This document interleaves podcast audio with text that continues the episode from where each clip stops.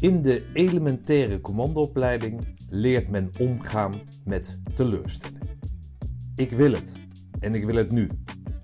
Veel is mogelijk als je het maar echt wil en opgeven is geen optie. Het zijn niet alleen zijn credo's, maar hij heeft ze ook in praktijk mogen, maar vooral moeten brengen. Lichting 80-2. In deze aflevering van de Mutstas podcast het levensverhaal van dienstplichtig commando-sergeant Robert Wils. Sergeant Willems, 5809 27083. Jij eh, hebt mij wat eh, toegestuurd, hè, jouw, jouw levensloop, eh, met een aantal,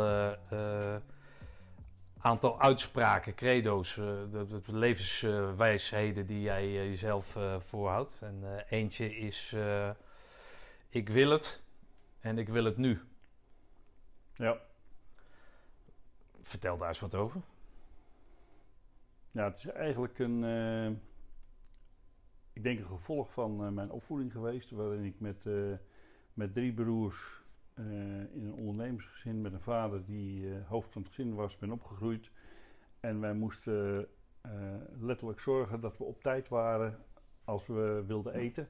Of als we überhaupt wat, wat eten op het bord wilden hebben. En ehm, het grootste stuk vlees was altijd voor mijn vader. En als je te laat was, was er geen vlees meer. Want mijn drie broers moesten ook eten. Dus ehm, ik heb altijd het gevoel gehad dat ik snel moest zijn om iets te bereiken of iets te willen hebben.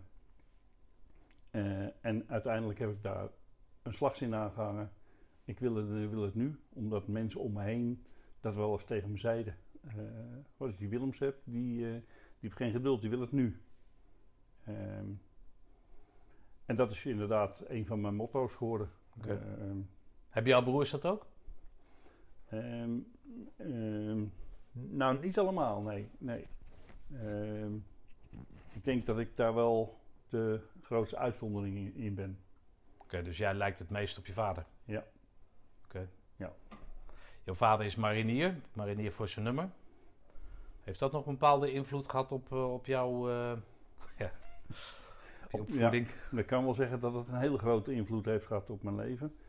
Ehm, nou ja, zoals je net zei, ik leid het meest op mijn vader. Dus ik heb met mijn vader ook eh, de meeste ehm, gevechten gehad. Woordenwisselingen of, of gevechten. Niet letterlijk gevochten, maar wel eh, strijd. Ehm, binnen het gezin kwam ik redelijk dicht bij de status van mijn vader. Ik, ik was vrij snel zelfstandig. eh, kreeg kinderen. Ik ging leiding geven aan een grote groep mensen. En ik vond dat ik wel tegen mijn vader je en jij kon zeggen. Eh, nou, dat was not dan. Want op het moment dat ik dat ging doen, en dat realiseerde ik niet, maar mijn broers werkten in de zaak van mijn vader.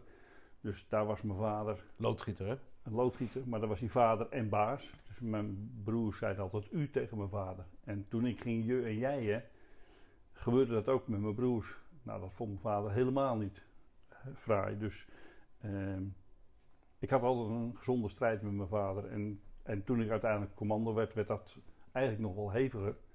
Want ja, commando's en mariniers, alle twee keurkorpsen. En er was altijd een discussie, wat is nou, wat is nou het beste korps? Ehm, ik, ik kon daar wel wat genuanceerder in zijn, maar hij was daar duidelijk over, dat was de mariniers. Dus we hadden eh, ja, daar wel altijd een behoorlijke strijd in. Ik heb me jarenlang gerealiseerd dat ik voor de waardering van mijn vader eh, wilde bereiken wat ik bereikt heb. Eh, maar pas op zijn sterfbed heb ik begrepen dat hij altijd trots op me is geweest. Hm. Ondanks wat ik bereikte. Jouw vader was dus iemand die daar nooit uiting aan gaf. Bij ons thuis werd er niet gesproken over gevoelens of emotie. Het ging altijd over het zakelijke eh, ehm, en het rationele. Hm. Dus ik was ook zakelijk en rationeel. En emotie stopte je weg. Daar was geen, geen plek voor. Maar dan moet hij het vervelend gevonden hebben dat jij als enige dan niet in die loodgieterij wilde. Ik, dat denk ik ook. Ik denk dat hij dat, eh, dat, hij dat heel erg jammer vond. Ehm, omdat, omdat ik uiteindelijk succesvol was als ondernemer. En ehm, toen mijn vader overleed, mijn broers minder succes waren, succesvol waren in het uh, in stand houden van, van het loodgietersbedrijf. is uiteindelijk ook gestopt. Ehm, terwijl het een heel succesvolle business was. Maar de reden dat ik niet bij mijn vader in de zaak wilde, was dat ik vond dat hij altijd te hard werkte en nooit thuis was.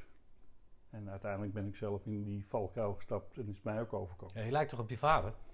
Ja. ja, dat had je toen ook al kunnen vertellen. Had me gebeld dan? Ja, dat kende je niet doen. Nee, maar even terugkomend op toen jouw vader overleed, was, was er dan niet iets van: hey, we bellen Robert om te vragen of hij alsnog dat bedrijf vorm wil gaan geven of opnieuw vorm wil geven? Nee, nee want uh, um, um, wat ik al zei, mijn vader was hoofd van het gezin en dat zagen mijn broers dat ook.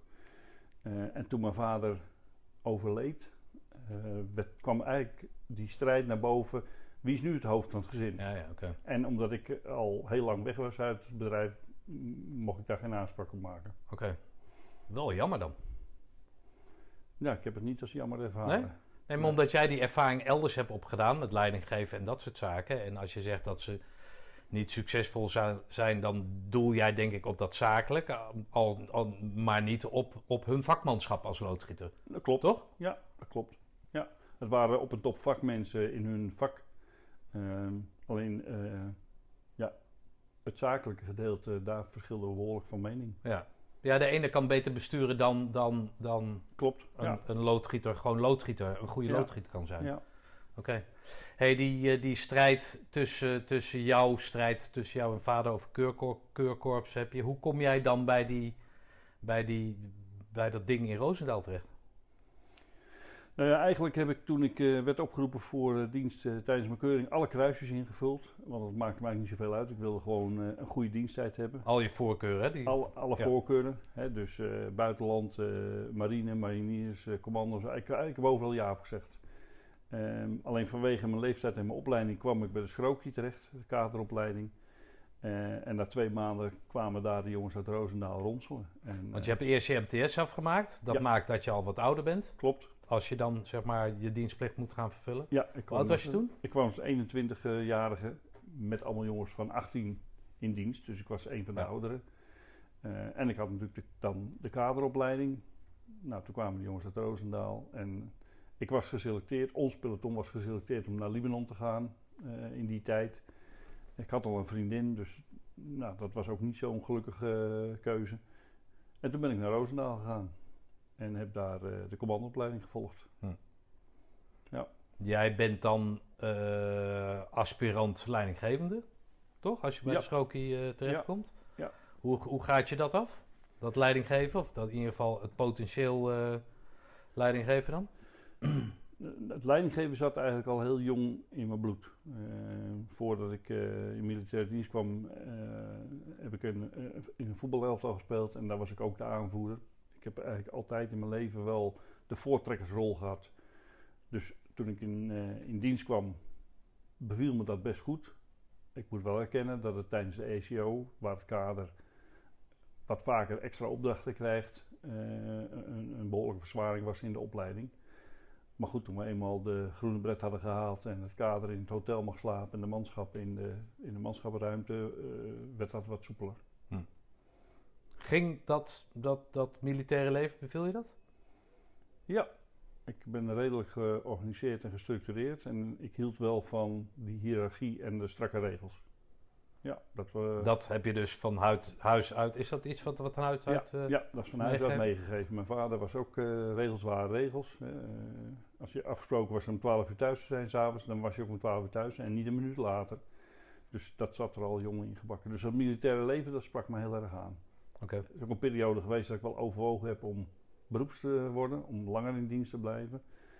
Maar goed, ik, ik had al een aanbieding toen mijn diensttijd erop zat van het bedrijfsleven. En ik zag dat bij de commando's veel mannen uh, gescheiden waren vanwege hun militaire leven. Dus wederom die keuze, ja, als je een vriendin hebt, dan uh, stap je het bedrijfsleven in. Hm, Oké. Wat, wat vond voor jouw uh, huidige, of je huidige, je toenmalige vriendin, wat, wat, wat vond hij van dat leven? Afgezien van het feit dat ze dus niet wilde je beroeps wilde worden. Maar wat, wat, hoe, hoe zag zij dat toen? Werd je een ander mens door? Dat is eigenlijk meer de vraag. Ehm, Nou ja, we zijn eigenlijk in de loop der jaren wat uit elkaar gegroeid. En in, en in het begin was het verschil niet zo groot, maar later werd het steeds duidelijker dat zeg maar, de strakke lijnen en de, en de geordendheid die ik hanteerde ehm, niet zo goed bij elkaar pasten. Zij stond wat losser in, wat losser in het leven, wat, nou, wat emotioneler in het leven, laat ik het zo zeggen. Ik was hm. heel rationalistisch toen. Oké, nu nog toch een beetje of niet? Mm, begint wel wat minder te worden, maar het, het is nog wel de boventoon. Oké. Hey, als jij die, uh, die ACO uh, eh, ingaat, wat, wat, wat, wat zie je om je heen? Wat, wat, wat voor kerels weet je, door wat voor kerels weet je omringd? Um, ja, Dan heb ik het niet zozeer alleen over de kader, als wel gewoon nee, de hele nee, over de manschappen. Eigenlijk uh, veel jongens die sportief goed gebouwd zijn, ehm, die doelgericht zijn ehm, en die, ja, die een prestatie willen brengen. Okay. En op het moment dat die prestatie gehaald is, heel veel broederschap, heel veel samenhorigheid. Uh, dat is wat ik uh, zeg maar in, zowel in deze show als daarna heb gezien bij het korps. Oké. Is dat uh, ook aan jullie voorbehouden dan als kader? Want jij hebt het over dat hotel. Het, het, daar klinkt een beetje afstand uit, of niet? nou, nou, er werd natuurlijk wel wat afstand gecreëerd tussen kader en manschappen, omdat je een bepaalde mate van leiding moest geven.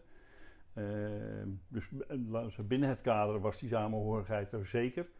Uh, naar de manschappen merkte je wel dat die jongens die samen op één zaal sliepen, meer met elkaar optrokken dan wij als kader met de mannen. Okay. En dat geldde niet voor elk kaderlid, want er waren ook kaderleden die eh, vonden dat minder belangrijk. Maar ik hechtte wel wat meer aan de hiërarchie.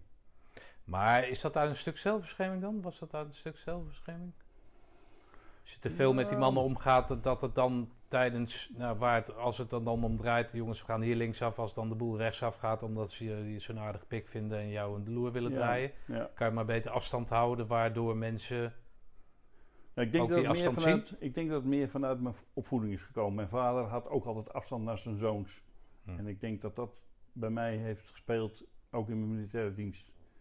Een soort van automatisme, houden afstand, waardoor je inderdaad makkelijker het kan overzien en op het moment dat het moeilijk is ook beslissingen kan nemen. Oké, maar hoe deed je dat in de ECO dan? Als je, als je een put moest graven met drie anderen?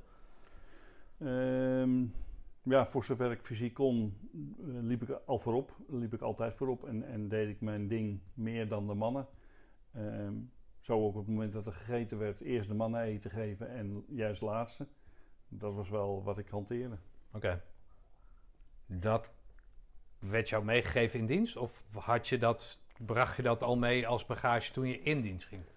Nee, dat, dat heb ik geleerd in dienst. Want voor mijn dienst moest ik echt uh, voor mezelf opkomen om te zorgen dat ik wat kreeg. Maar in dienst heb ik wel geleerd, en ik denk dat dat ook een van de dingen is die, die in Roosendaal heel sterk wordt uh, meegegeven. Uh, zorg voor je maten, dan zorgen ze ook goed voor jou. Oké.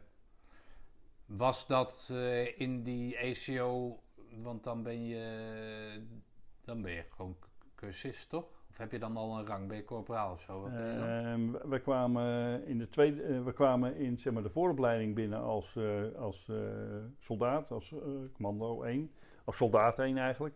En we werden in het begin van de ECO corporaal en aan het eind van de ECO sergeant. Oké, okay. Dus maar hoe, dus hoe, liet jij je noemen dan?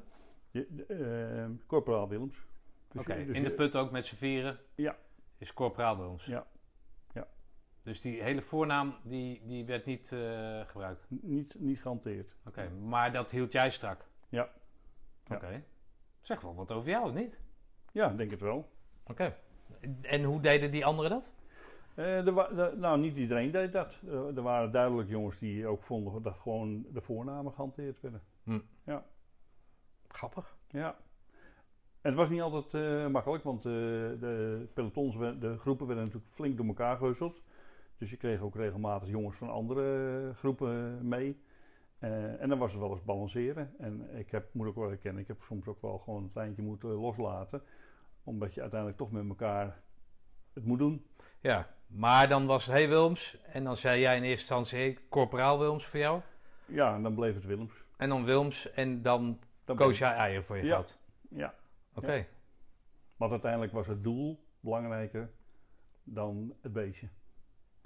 Uh, ja, Nee, natuurlijk. En zeker als je moet overleven in de zin van dat je van week tot week gaat tot, totdat je die poort doorgaat. Ja. Maar dan ben je dus wel aan het schakelen, zeg maar, waar, waar nodig. Ja, dat klopt. Oké. Ja. Met hoeveel eh, kwamen jullie op in totaal? Wij kwamen met eh 104 man op en we haalden met 48 de groene bret. Oké. 104 man startte in, Ja. de, in de ECO? Ja. Oké, zaten er mariniers bij? Ja, we hadden volgens mij zes mariniers erbij.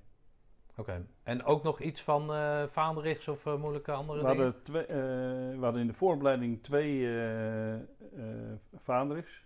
eh, waarvan er maar één DCO in is gegaan. En die heeft uiteindelijk ook de groene bret gehaald. Oké. En werd die commandant van jullie... Nee, die hebben we daarna nooit meer gezien. Oh, want? Is generaal geworden. Nee, nee, nee, nee. Het was een, eh, een hele eigenaardige eh vaandrig.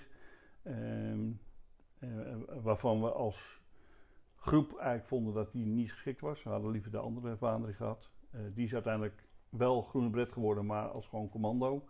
Ehm, maar deze vaandrig eh, stond een beetje buiten de groep en is daarna ook gewoon uit beeld verdwenen. Ook nooit meer in de actieve 104 geweest. Gewoon naar een ander onderdeel. Ander onderdeel, we hebben hem niet meer gezien. Oké, wel groene beret dragend geworden. ja. Oké. Ja. En die andere kerel, die... Hij heeft gewoon meegedraaid en hij heeft uh, diensttijd volgemaakt als commando. Oké, dus die zeg maar heeft gekozen voor de degradatie naar Commando. gewoon commando. En geen leidinggevende. Ja, ja, oké. Wat was zijn positie dan tijdens, tijdens na, na zijn val te zaakjes? Heel goed. Ja? Ja, die man werd volledig geaccepteerd en, uh, en deed ook heel goed. En was al een stuk ouder dan als je zegt man. Uh, nee hoor, nee, nee, het was onze leeftijd. Was ook onze oh, leeftijd. Okay. Nee. Was niet, weet ik veel, had niet, nee, uh, niet veel ouder. universiteit gedaan waardoor die Nee. 25, 26 was Nee, of zo. nee absoluut niet. Oké, okay. Nee. dat, dat, dat is wel mooi, of niet? Ja, vond ik ook heel mooi. Dat Ja. iemand zich dan, uh, ja, dat is, dat is wel een... Ik denk ook wel, we, hadden, we waren wel rijk aan kader. We hadden uh, zes sergeanten en twee vaderigs toen we zeg maar, de vooropleiding deden. Dat was best rijk bedeeld.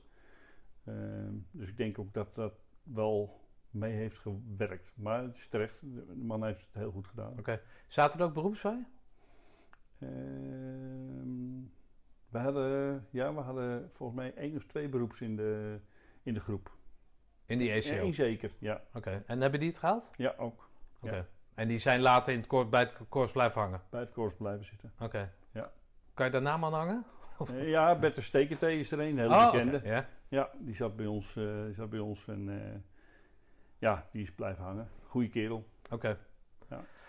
Jouw vader, die is marinier, die probeert jou te overtuigen van het feit dat je beter voor één korps kan kiezen en dat is de zijne. Dan pak jij dat andere korps. Uh, als jij dan zeg maar gedurende, hè, omdat hij geen gevoel toont, omdat hij niet vertelt dat je trots bent of dat hij trots op je is, hè, pas op je ster zijn sterfbed blijkt dat. Hoe gaat hij die, die acht weken, hoe, hoe, hoe, jij komt vrijdagavond, kom je thuis.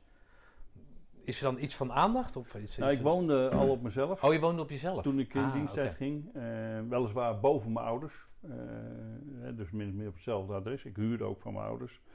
Uh, maar uh, ik, ik moet zeggen, gedurende de opleiding en de ECO heb ik niet of nauwelijks contact gehad met mijn ouders of mijn vader. Uh, ze waren wel al op de beretuitreiking. Uh, en daar heb ik wel een glimp van trots gezien. Maar wat ik al zei, mijn vader was niet een mens van emotie. Uh, dus dat, ik heb dat nooit ervaren. Ik heb het nooit gezien. Hm. Misschien toonde hij het wel in zijn vorm, maar het kwam niet aan bij mij. Oké. Okay. Maar dat, dat, uh, dat gevoel van pap, kijk nou eens, dat heb je nooit, daar heb je nooit antwoord op gekregen in de zin van een omhelzing of nee, goed nee. gedaan. Of... Nee, daar heb ik nooit antwoord op gehad. Hm. Nog van mijn vader, nog van mijn moeder. Uh, ik heb het nooit herkend. Hm. En uh, later heb ik wel gedacht, omdat we nooit thuis over emoties spraken, heb ik wellicht ook nooit emotie herkend. Dus misschien gaven ze het wel, maar heb ik het niet gezien. Mijn leven lang heb ik altijd het idee gehad dat ik uh, dat, dat, dat mijn vader dacht, nou het is leuk dat je commandant bent geworden, maar ik was trots geweest als je manier was geweest. Ja, oké. Okay. Maar ja, is gezonde rivaliteit is natuurlijk. Maar goed, als je dat niet naar elkaar uitspreekt, dan heeft het nog geen zin. Nee. Nee, oké. Okay. Oké. Okay. Vertel eens wat over die ECO, even qua, qua weet ik veel, instructeurs, uh, moeilijke jongens. Ehm, nou, we hadden Theo Oliviers als, als commandant en kapitein Knets als, als officier. Ehm, ehm, Malinka en oh, die namen.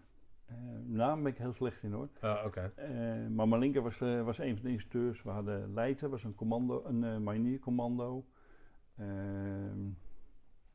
Ehm, nou, nog een paar van die jongens.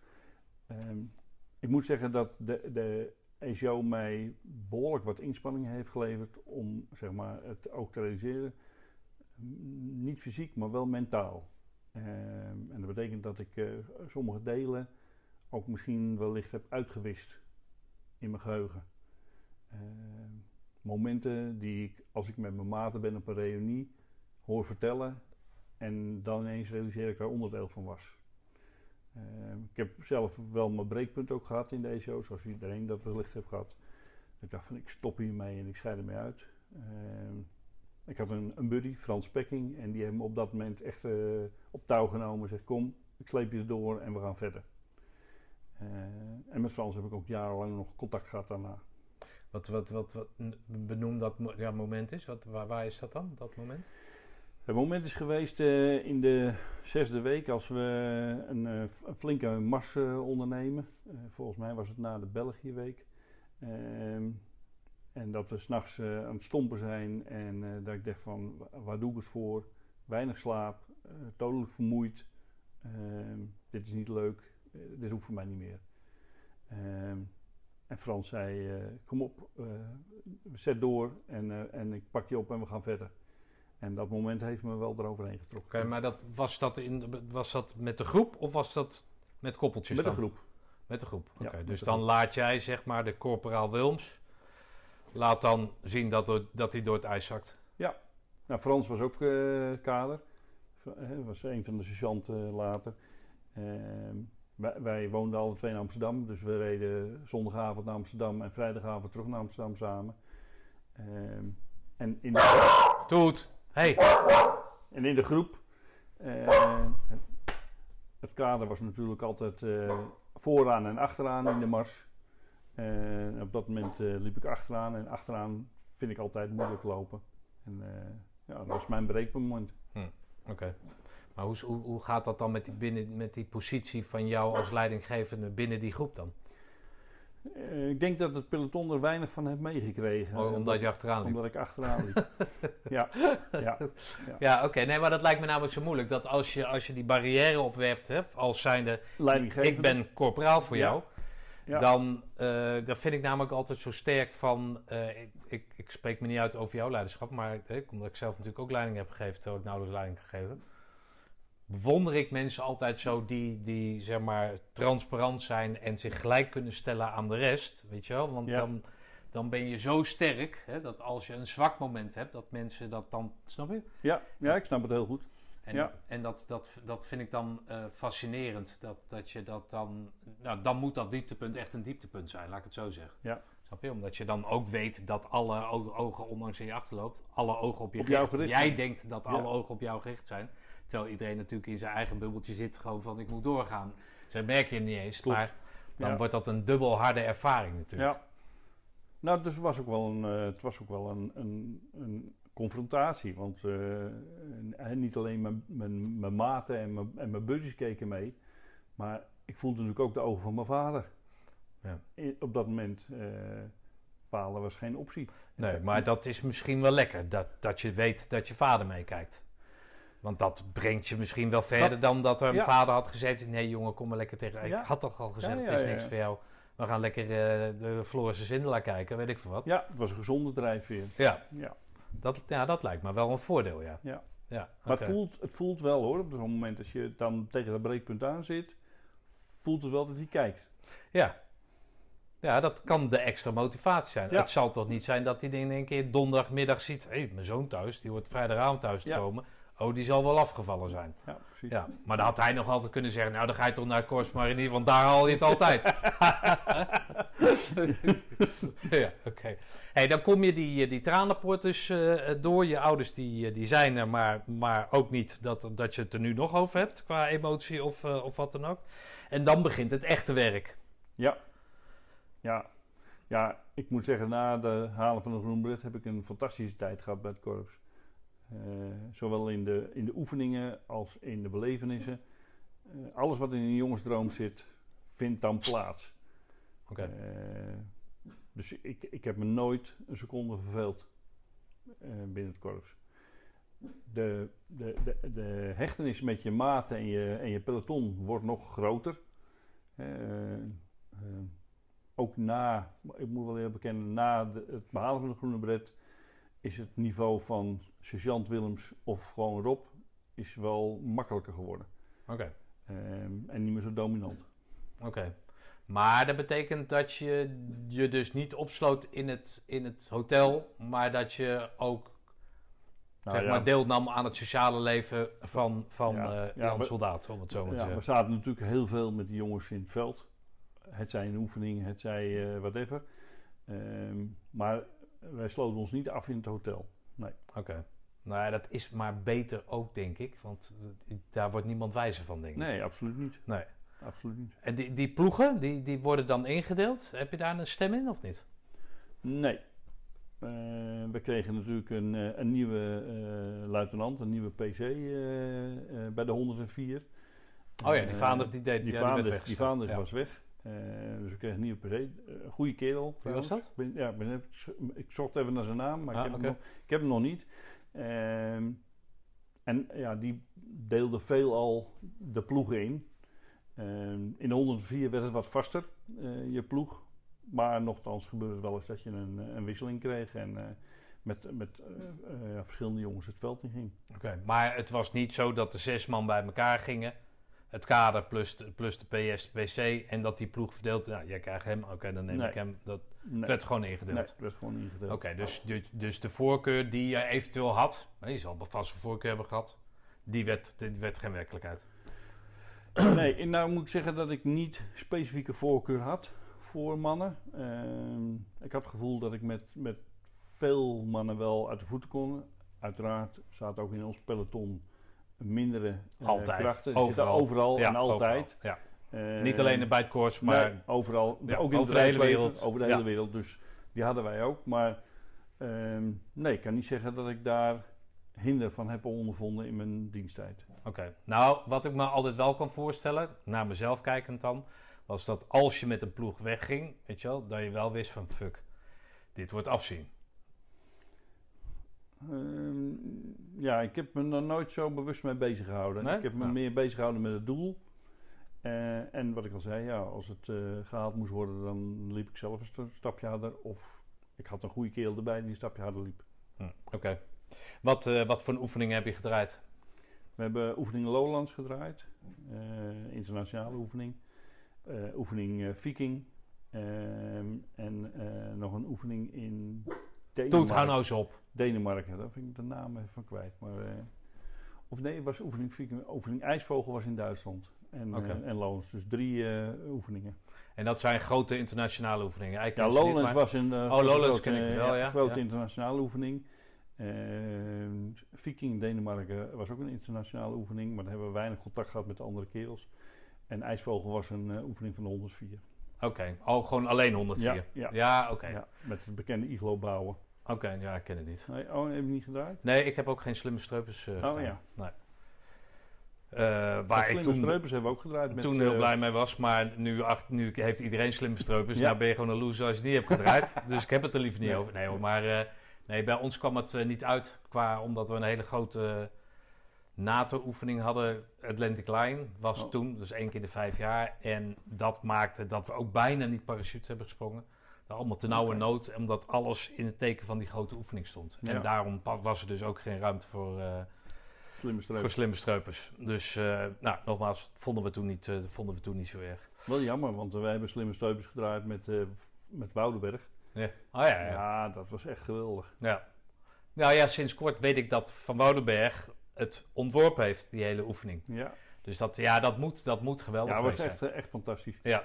En in Slimme Streups is nog wel een leuke anekdote. Er zit aan het eind de ja, Vertel jij even het concept van Slimme Streups, ja, zoals jij hem dan hebt... Nou ja, we kwamen, we kwamen zeg maar in het Hartge, Hartgebergte, of in de Hutsgewald bij, bij Rutger. Daar hebben we eerst het kamp opgebouwd. En, en dan het varken geslacht. we hadden een slager in ons peloton. Dus dat was perfect. Ehm, en, en dan krijg je zeg maar een stukje overleving uh, erachteraan. Dus uh, drie dagen opgejaagd uh, met alleen een winterjas en, en weinig spullen bij je door het bos. Om uiteindelijk in het vangnet van de, van de MID te lopen waar je dan de ondervraging in gaat. En wij hadden afgesproken als peloton, we gaan uitbreken. Op een bepaald moment doen we een uitbraakpoging.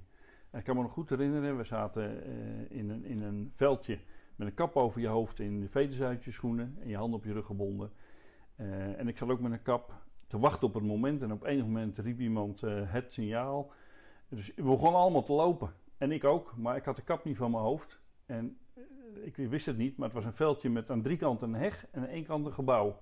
En je raadt al, ik liep dus de verkeerde kant op. Ik knalde met mijn hoofd tegen het gebouw, brak twee voortanden.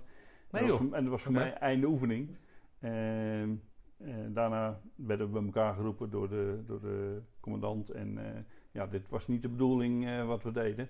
Want ik heb begrepen dat er een, paar margés uh, flink geraakt waren door uitbrekende commando's. En dat moesten we toch niet zo doen. Oké, maar het werd wel gewaardeerd, of niet?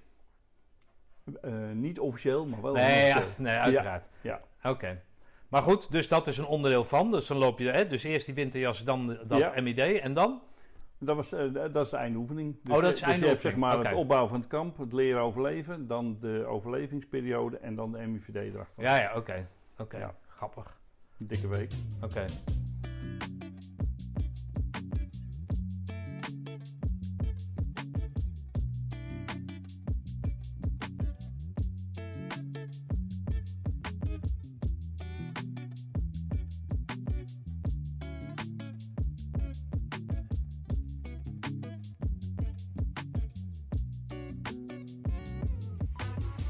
Hey, en dan, dan, dan, dan nadert, uh, nadert dat einde dan?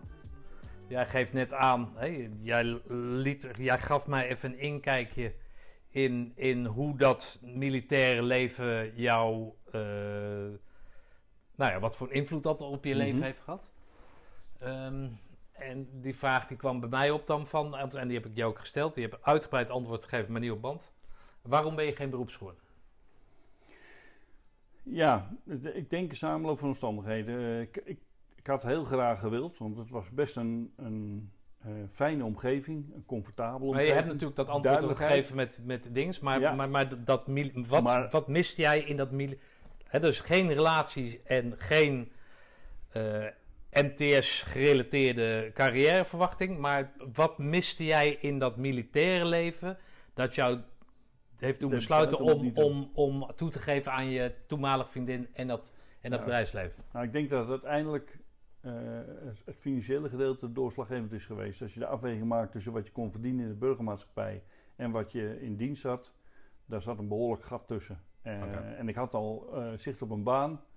Ehm, ja, dan, dan stap je in. Ehm, en, en dat zijn ja, beslissingen die je neemt in fracties van secondes. En, en, en dan ga je. Ja, oké. Dus dan, als jij wel voor dat KVV waar we het over hadden, KVV-contact hadden gekozen, uh, dan was je gewoon sergeant geweest zonder naar de uh, eh, KMS gehoeven te hebben. En dan had je zeg maar vier jaar lang als ploegcommandant uh, mee kunnen draaien ja. en wellicht PS kunnen worden of zo. Ja, nou, dat... ik denk achteraf als ik, als ik was gebleven, denk ik dat ik heel ver had kunnen komen in mijn militaire dienst. Oké. Omdat ik dan ook de scholing had gekozen. Um, en wellicht uiteindelijk was doorgegaan naar een KMA. Um, Vind je dat niet jammer dan? Als je dat, als je dat nu zo uitspreekt dan? Als je dat zeker weet dat... Als ik terugkijk... Ik wil het nu en uh, wat was het? Ja ik, wil het, ja, ik wil het en ik wil het nu. Ja, als ik terugkijk, heeft dat nog wel eens uh, uh, ja, droomachtige gedachten. Ja. ja, want we komen er zo dadelijk op hoor. Maar in dat hele ondernemerschap natuurlijk, hè, waar jij, nou, wat je zei, pieken en dalen hebt gekend. Zoals in ieder natuurlijk pieken en dalen. Maar dan is dan zeg maar. Dat militaire is natuurlijk heel duidelijk. Toch? Qua carrièreplanning. Of het is een loopbaan of een carrière. Officieren hebben een carrière, onderofficieren schijnen een loopbaan te hebben. Hè. Zijn 15 jaar dit, 10 jaar dat, 15 jaar zus. En als je geluk hebt, dan word je, word je uh, officier. Maar er moet dan wel een bepaalde rust zijn. Hoe zie je dat nou dan? Als, je daarvoor had gekozen, dan had je nu ja, al, al, al weet ik veel, tien jaar met FLO, ja. geweest. Ja, ja, ja. Nou ja, ik denk... Ehm, als straks de rest van mijn leven nog aan, bod komt... ik, ik, heb natuurlijk een hele hectische periode gehad in het zakenleven. Uiteindelijk de scheiding erin. Weinig contact gehad met mijn kinderen. Ik denk als ik dat afzet tegen een carrière in militaire dienst... dat ik inderdaad een veel gestructureerder leven had gehad... en wellicht uh, meer rust had gevonden. Die nu niet zijn gekomen. Uh, ja, die kinderen, dat, dat weet ik dat dat. Uh, jij vertelde dat je, jij nauwelijks je kinderen hebt gezien. Maar dat zal in militaire dienst. Als je militair was geworden, had dat ook niet geweest. Dus dat kan je tegen elkaar wegstrepen. Dat is allebei gelijk, denk ik. Wat ik aan ervaring hoor van andere mensen. Ja, ja wellicht wel. Ik denk, er zijn natuurlijk ook jongens die niet alleen in Roosdaal zijn geweest, maar op andere stekken hebben gezeten. Nee, tuurlijk. ja. Ehm, maar ik denk, als ik het als ik het afzet tegen mijn maatschappelijk leven, dat ik in mijn militaire dienst meer mijn kinderen had gezien dan dat ik nu heb gezien. Ja, oké. Hm. Maar goed, dus jij nadert het einde. Ja. Wat, waar zijn andere kerels mee bezig? Hoe, hoe, hoe, zien die hun, hun toekomst? Want was, toen was het, hè, dus dat was uh, 80. jaren 80. Jaren 80. We hadden net de oliecrisis. Crisis toch? Ja, ja, het was best uh, mager. Hoge werkloosheid? Ik moet zeggen dat uh, van de mate die ik kende uit mijn peloton er eigenlijk niemand was die het probleem had met het vinden van een baan of een uitdaging. Ehm, eh, als ik kijk naar de jongens van het kader, waar ik dan nog het meeste contact mee heb onderhouden, zijn er ook jongens zelfstandig ondernemer geworden, olieindustrie ingegaan. Dus wel soortgelijke carrières als die ik ook heb doorlopen. Hm. En van veel jongens hoor ik ook, ja, die ervaring die ze hebben gehad in Roosdam met de Groene Bret heeft wel geholpen om die stap te maken.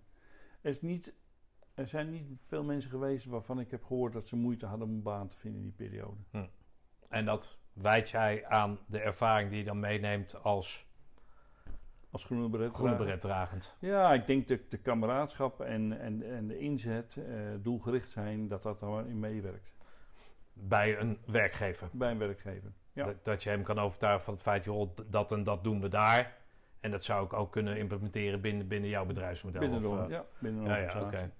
Dus dan heb jij uh, op de dag van afzwaaien... Wordt er, is, dat, wordt dat, is dat een emotioneel moment? Uh, zo heb ik het niet ervaren. Nee. Nee, het is... Uh, Dank u wel, Chant Willems, voor de wijze lessen. Het is een afsluiting... Nee, het is, het is bedankt Rob. Uh, ik, ik heette toen ook nog Rob. Uh, later heb ik mijn naam veranderd in Robert. Oh, is dat zo, ja? Ja, ja, ja. ja, ja. Want hoe heet jij dan? Want nu zeg je Robert. ja, je zegt ook wel eens Robert. Ja, nou ja, Robert in de volksmond. Ja. Uh, officieel is het Robertus. Willy Brothers Hendrikus. Ik heb drie ja. voornamen. Maar ik, in die periode heet ik Rob. En uh, ja, we hebben gewoon met elkaar afscheid genomen. Niet een emotioneel moment, maar een mooi moment om verder te gaan in het leven. Ja, met de wetenschap van nu, met zo'n appgroep en, uh, en allerlei foto's kunnen uit. Dat was dus niet. Hè? dus je nam eigenlijk in, in principe nam je afscheid voor altijd. Ja, nou ja, tot de volgende Tot de reunie. Ja, je wist dat de reunies ja. waren natuurlijk. Ja, Je, je, wisselde adressen uit. En wij, wij zwaaiden af in uh, mei 81, dus de volgende reunie was 82. Dat was best ah, oké. Vrij kort op. Ja, oké. Okay. Oké. Dus mensen maken geen zorgen. Je ziet dat iedereen zeg maar zijn weg weet te vinden. En dan, als je dan in dat bedrijfsleven aan de gang gaat, bedrijfsleven is een grote term natuurlijk, maar wat, wat, wat mis, mis jij wat dan in, in dat net uit ehm, dienst zijn? Ja, ja dat is een flinke omschakeling. Want je, uh, je, je komt in een wereld terecht waarin eh, structuur ontbreekt, waarin mensen een eigen ding doen. Ehm, waarin doelen onduidelijk zijn. Hè, bedrijfsleven, scoren van orders.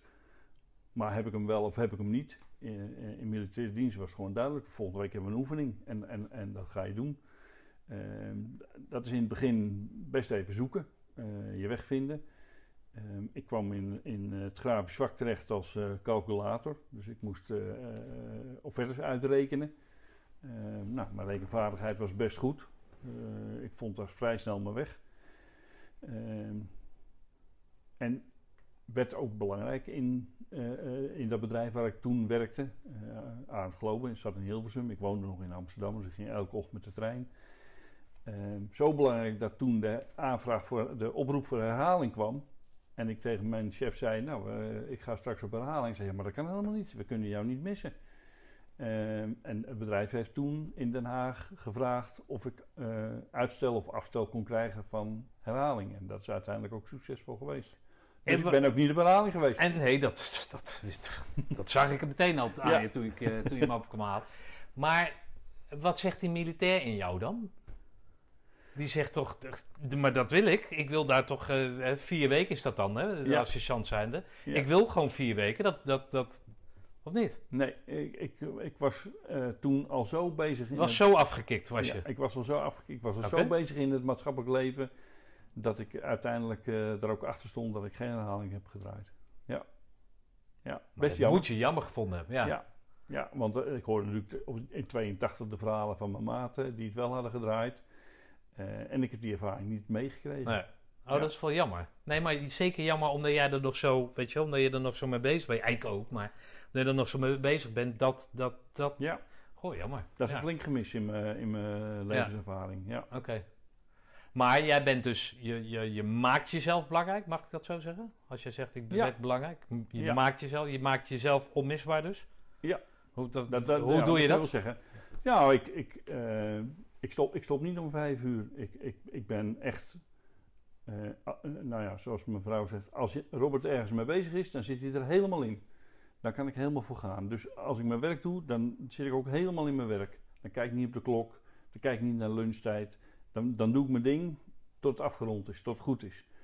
En als je dat doet, dan word je heel snel gewaardeerd. Uh, en mensen vinden je dan ook heel snel. Uh, dus, dus vertegenwoordigers wisten, als ik aan Robert vraag of hij even nog een offerte wilde maken, om kwart voor vijf, dan werd hij ook gemaakt. En dan was hij ook afgerond. Hm. En ja, ik had collega's die dat niet deden, dus ja, dan wordt het wel wat makkelijker. Oké. Maar dat betekent dus dat je, als jij dus zegt uh, dat je je kinderen nauwelijks hebt, of nou, je maakt nu meer mee van je kleinkinderen dan dat je ooit van je kinderen hebt meegemaakt, komt dat dus daardoor? ja, dat is wel een, uh, een, een, belangrijke valkuil in mijn leven geweest. Uh, ja, jij noemt de valkuil elke keer. Dat is natuurlijk ook een valkuil, maar dat is nou, toch ook de manier om hoger op te komen, of niet? Nou ja, ik heb al eerder verteld, bij ons in het gezin was de vader het hoofd van het gezin en die, en die bepaalde. Zo is mijn leven ook wel zich ontwikkeld. Ik werkte en mijn vrouw zorgde voor de kinderen. Toen we kinderen kregen, stopte zij met werken. Uh, dus, dus zij deed het thuisgedeelte en ik deed het inkomengedeelte. En ja, ik deed mijn best om zo groot mogelijk inkomen te krijgen, waardoor we riant konden uh, leven en wonen. Uh, en, en daar was ik best succesvol in. Okay. Alleen dat leidde er wel toe dat ik steeds verder weg kwam te staan van mijn gezin. Ja, oké. En dat gebeurt heel geleidelijk. maar uiteindelijk, ja, het gebeurt wel. Ja. Maar als jij dat niet kent vanuit je thuissituatie, vanuit je, je, je familie, zeg maar, waar je, waar je uit voortkomt, dan weet je dat natuurlijk in die nieuwe situatie die jij zelf creëert samen met je vrouw en kinderen, die weet je dan niet herkennen, zeg maar. Nee, ik herken het ook niet toen. Nee, want jij doet precies hetzelfde als dat je vader doet. Ja, ja. En je neemt dezelfde positie, heb je het net gezegd, maar dan, hè, je neemt dezelfde positie in als je vader. Het is gewoon nou ja, kopieergedrag klinkt ja, zo negatief, nou maar het is het wel. Dat is je zo aangeleerd. Kijk, uiteindelijk, hè, ik ben niet bij mijn vader in de zaak gegaan omdat ik vond dat hij heel hard werkte, maar ik ging zelf ook heel hard werken. Ja, oké. En, eh, en ik kwam wel eens thuis en dan zei mijn vrouw, uh, goh, wat zullen we eten van het weekend? En dan zei ik, ja, ik ga toch in jou ook niet vragen wat wij voor inkt moeten kopen of welke drukpers we kopen. Jij doet thuis, ik doe het werk. En, hmm. en zo was de rolverdeling. Dus per automatisme leerde ik ook heel weinig van de ontwikkeling van mijn kinderen. Het eerste stapje, het eerste woordje, dat kan ik me niet herinneren. Nee. Dus ik weet uit eigen ervaring, en wel meer mensen gelukkig, die dan kinderen hebben, dat, dat is gewoon een zware periode. Maar als daar dan een vent is binnen dat gezin die alleen zijn, onafhankelijk of hij daar, hij is daar mhm. verantwoordelijk voor, dus dat is zijn taak. En zeker zoals jij hem ingeprent hebt gekregen van het huis uit. Maar dan is het niet zo gek dat jullie dan uit elkaar groeien. Omdat het al een zware, zware periode is met kleine kinderen. En een kerel die altijd aan het werk is. Zelfs op vrijdagmiddag als iedereen een biertje zit te drinken, kan je bij jou een offerto aanvragen. Dus dat is de manier om hoger op te komen. Het is ook de manier waarop jij dan zegt van ja, dat is een valkuil. Ja, ja dat is het zeker. En uiteindelijk, hè, toen ik in 97 uh, eh, het bedrijf overnam, via management bij jou eigenaar werd van de zaak, ja, toen werd die druk natuurlijk nog steeds, die werd nog groter. Uh, en je hebt niet alleen de verantwoordelijkheid voor je werk, maar ook de verantwoordelijkheid voor de financiën. Uiteindelijk moet het geld wel betaald worden, ook aan de bank. Uh, dus dat resulteerde erin dat ik vier uur per nacht sliep en de rest werkte ik. Ja. Uh, zondagmorgen werkte ik, zondagavond werkte ik, door de week werkte ik. Ja, en als ik thuis was, dan viel ik in slaap. Ja. Dat was het gevolg. Maar even terugpakkend, hè? ik wil jou een les uh, ontlokken. Een les voor anderen, waar andere mensen wat mhm. van. Ik, ik, zit ook een beetje zo in, in, elkaar, in elkaar zoals jij. Maar als mensen uh, die bijvoorbeeld nu hè, iets willen bereiken, dan is uh, er altijd zijn, altijd klaarstaan, altijd aanstaan, is, maar dat maakt dat er iets anders dus niet mogelijk is. Wat, wat zou jouw tip zijn dan, even tussentijds tip, om dat dan wel te bereiken? Moet je dan zeggen om vijf nou jaar, moet je maandag maar komen? Of wat, wat, is dat dan? Nou ja, vergeleken met zeg maar 40 jaar geleden toen ik zelf in het bedrijfsleven stapte en nu, ehm, zijn er vele technieken om dat te doen. Wij konden niet thuiswerken. Als je wilde werken moest je op de zaak zijn. Tegenwoordig kun je wat makkelijker ook thuiswerken. We hadden geen mobiele telefoon, waardoor je ook contact kon hebben met je kinderen, wat je nu wel kan hebben. Uh, er was geen uh, FaceTime, geen, uh, dus het fysiek, toen was het echt zo, fysiek aanwezig zijn betekende presteren en carrière maken. Ehm, ik praat vaak met jonge jongens eh, vanuit mijn briefvak wat ik doe met die jongens. En ik geef ze altijd het advies mee: doe niet wat ik heb gedaan, maar creëer ook voor jezelf momenten dat je thuis bent en dat je met je partner bent. En dat is, dat is een, een tip die ik iedereen wil meegeven ja, maar ga, eens dieper in die tip dan. Want er zijn, hè, als jij zegt, nou dan ben ik en dan val ik in slaap. Maar dan moet je dus ook in die, in die tijd die jou gegeven is, en je wil geen 50 à 80 uur werken, moet je dus ook reserves opbouwen dat jij niet slapend op die bank zit. Klopt. Toch? Ja, ja. Dus dat betekent kaderen, dat betekent zuinig zijn met je energie. Maar als je nou niet zo begiftig bent als dat hè, iemand dat in 40 uur kan, hoe, hoe, denk jij dat je dat moet doen dan? Want inzet is natuurlijk gewoon de beste manier om dat te bewerkstelligen. Maar met minder inzet en dan doseren, dat, daar heb ik moeite mee altijd. Ja, nou ik denk dat uh, uh, als ik terugkijk op mijn eigen leven, dan heb ik um, mijn beperkte opleiding, hè, LTS, MTS, gecompenseerd met heel veel inzet om te bereiken wat ik heb bereikt. Ehm, en, en dat kost heel veel tijd. Als je uh, naar tegenwoordig kijkt, dan zijn heel veel jongeren uh, beter opgeleid uh, en kunnen daardoor ook betere banen creëren. Maak voor jezelf de balans en kijk wat je wil bereiken en pas daarbij ook je tempo aan. inzet is tegenwoordig minder gewaardeerd dan kwaliteit van leven. Ehm, ik merk het zelf ook met, uh, met, me, met mijn werk. Jonge mensen kiezen er gewoon voor om vier dagen te gaan werken. En kiezen dus bewust die vijfde dag om dingen te doen voor zichzelf of met hun partners. En, en dat is wel heel erg belangrijk. Wil je voorkomen dat je uit elkaar groeit? Hm. Of dat je een burn-out krijgt. Hè? Dat is natuurlijk een andere kwaal die kan ontstaan. Ja. Maar hoe doe jij dat dan nu? Want nu heb je dus al die wijze lessen tot je genomen. Je hebt een respectabele leeftijd uh, weten te bereiken. Hoe doe je dat nou met Simone? Ja, ik kies bewust uh, vrije dagen.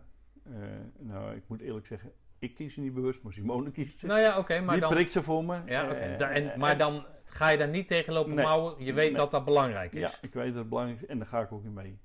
een van de dingen die ik heb gekozen twee jaar geleden is om één dag in de maand op mijn kleindochter te passen. Dat kwam voor, voor me, voor, daarvoor nooit in, in me op om te stoppen met werken, om, om daar vrije dagen voor op te nemen. Nu doe ik dat. Ik ben dus één dag in de maand een dag bij mijn kleinkinderen en pas ik op. Bewust om te zien hoe dat kind zich ontwikkelt, om de band op te bouwen, maar ook om de rust te nemen en de afstand van het werk. Oké. Daar moet jij ongetwijfeld een groei bij jezelf hebben ontdekt in die afgelopen 2,5 jaar dan. Absoluut, ja. Beschrijf die groei eens. Wat, hoe, hoe is nou ja, ik, toen we zo... Want dan heb je in principe, als jij vertelt dat jij je vrouw, die is voor het huis, hè, je, je ex-vrouw, ja. Heb je in principe nog nooit een luier in je handen gehad. Ja, dat klopt. Toen mijn zoon mij letterlijk vroeg, pa, we hebben vier vrijdagen in de maand nodig. Je moet, mijn moeder doet er één en mijn schoonvader en mijn schoonmoeder doen er één. Wil jij er ook een invullen? Toen zei ik, ja, maar ik weet niet eens hoe ik een luier moet verschonen. Of uh, een fles moet klaarmaken. Ja, maar dan zei hij, dat kun je allemaal leren.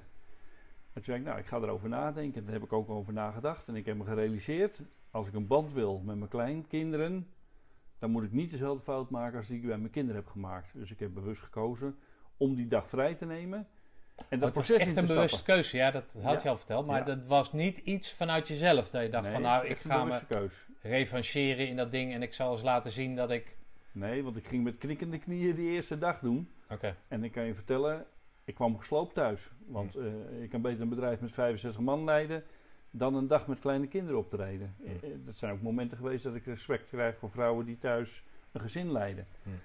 Want alles gebeurt tegelijk. Uh, ze, ze, ze, begint te huilen, ze hebben een poepluier, ze hebben honger.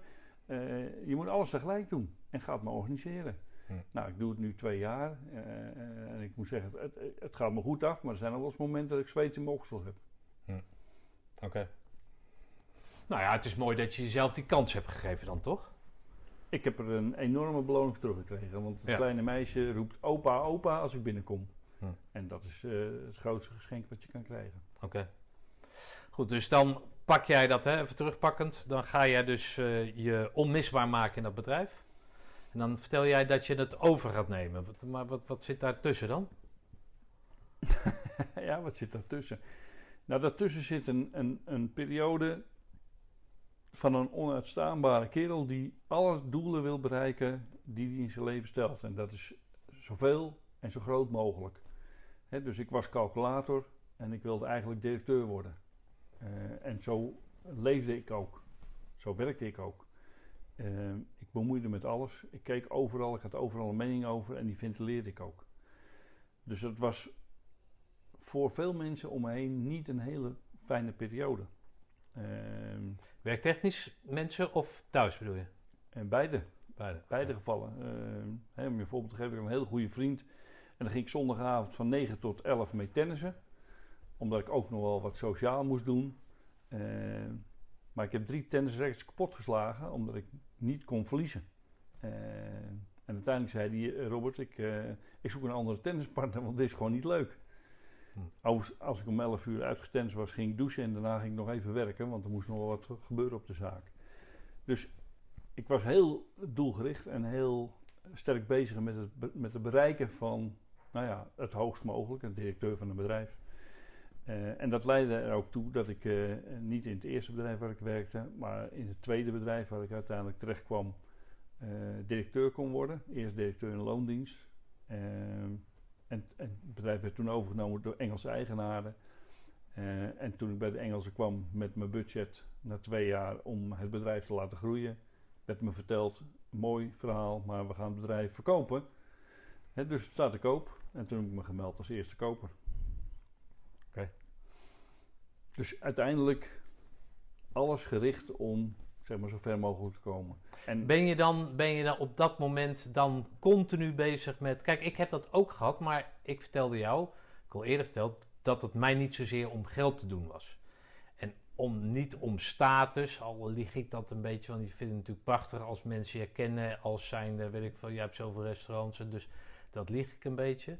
Maar in principe was die drijfveer, weet je wel, hoe ver kunnen we komen? Hè? Hoe, hoe, vaak sta ik in de bladen? Hoe vaak ben ik op tv? Nou, dat wordt niet al te veel natuurlijk, mhm. maar snap je? Dus dat, dat, was mijn, dat was mijn weegschaal een beetje. Maar hoe, hoe, hoe ja, waar, waar, waar, waar, waar stopt het dan voor jou? Waar, als je dat dan hebt, je bent dan directeur, je hebt je weten in te kopen of je hebt dan die zaak dan overgenomen. Maar blijf je jezelf dan continu doelen stellen dan? Ja, het is grappig dat je dat vraagt. Want ik herinner me nog heel goed een bivakmoment met mijn twee commandomaten op de Holterberg. S'nachts om 11 uur. We lopen een rondje door de bossen naar het campus ingericht. En, en ik vertel die mannen, nou, ik heb weer een bedrijf overgenomen en, en we gaan weer groeien. En een van mijn maten zegt tegen me, maar Robert, wanneer is het nou genoeg? 4 miljoen, 5 miljoen, 10 miljoen, 18 miljoen? En ik zei letterlijk, het is nooit genoeg. Ik wil eigenlijk altijd groter. En dat was ook zo. Maar wat, wat, wat was je drijf? Is groter of meer geld of meer geld verdienen? Een groter huis? Wat zat er toen achter? Was het gewoon de, de drang tot groei in het algemeen? Ja, de, voornamelijk de drang tot groter in het algemeen. Ehm, maar daar hing wel een auto aan vast. Natuurlijk. Meer vakanties, dat soort zaken? Nou, vakanties vond ik helemaal niet belangrijk op dat moment. Vakantie vond ik eigenlijk nutteloos. Uh, verloren tijd. Ik wilde het liefst zoveel mogelijk werken. Dus het, het, de grootste drijfveer was groter worden. En met het groter worden belangrijker. Uh, meer mensen leren kennen. Uh, en inderdaad ook meer inkomen kunnen creëren. Maar is dat dan naar anderen toe? Is dat voor jezelf? Is dat, is dat, is dat naar de buitenwereld toe? Nou, tot 2000 is, heb ik altijd het gevoel gehad dat ik dat deed voor mijn vader. Mijn vader is in 2000 overleden. Uh, ik kocht mijn bedrijf in 97. Ik dacht, dat is mijn vader hartstikke trots op me. Maar dat, ik kreeg dat signaal niet. Dus ik kocht nog een bedrijf en nog een bedrijf en nog een bedrijf. En pas in 2000, toen mijn vader erkende dat hij wel trots op me was, viel die last van me af. En, en, en, daarna ben ik ook gestopt met het groeien. En heb ik eigenlijk alleen maar geconsolideerd en uiteindelijk afgebouwd. Oké, maar ja. Maar wat wilde je dan aan je vader bewijzen dat je beter was dan je vader of zo dan? Ja, de, de strijd die geboren is in Marinier Commando, wat is nou het beste? En, en mijn vader vond altijd dat hij het beste was. Hij was het sterkste, hij was het grootste, hij was het belangrijkste.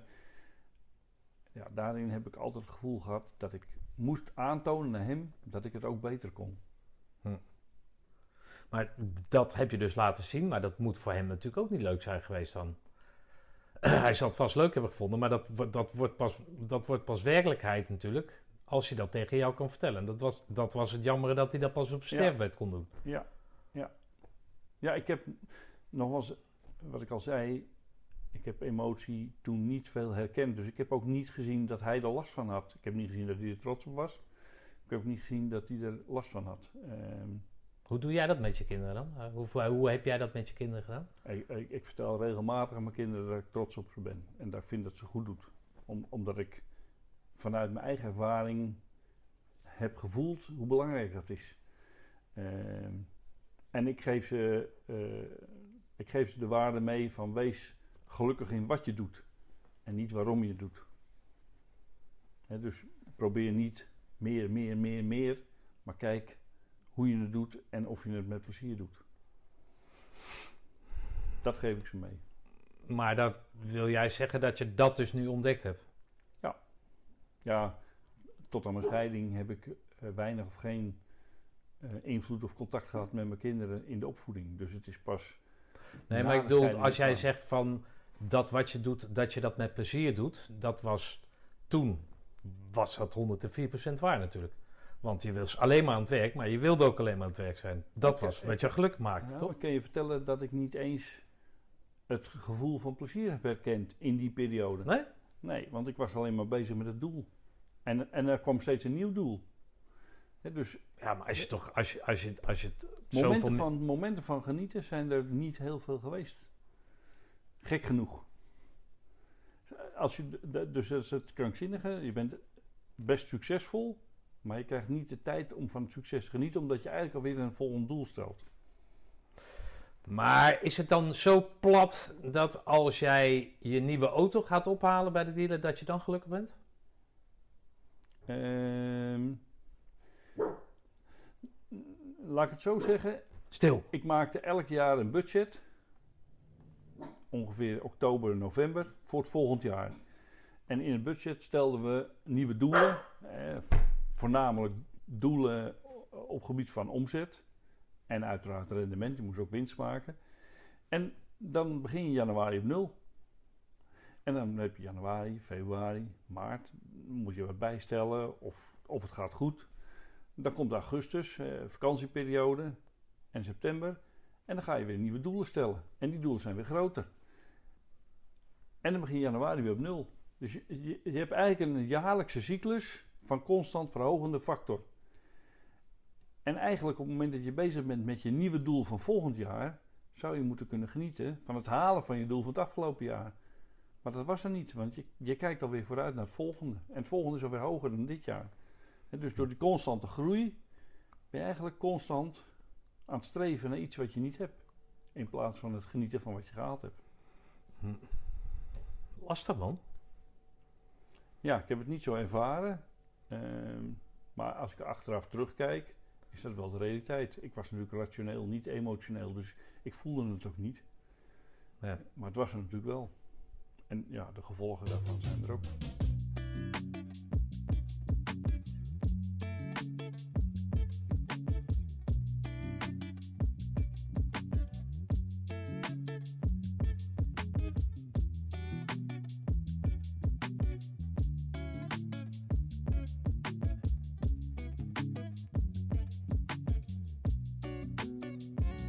Pauze even gehad over, de, over jouw uh, drang tot, uh, tot groter en, en, en, meer.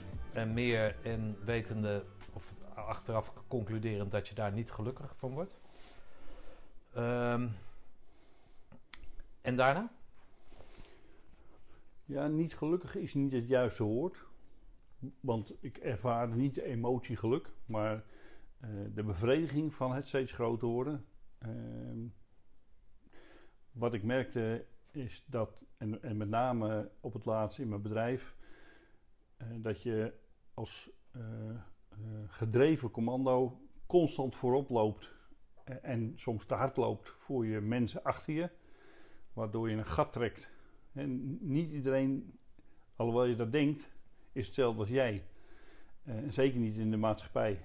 in het leger is het misschien nog wat anders. En zeker in Roosendaal, want daar heb je allemaal groene bretten. Maar in het bedrijfsleven had je dat niet.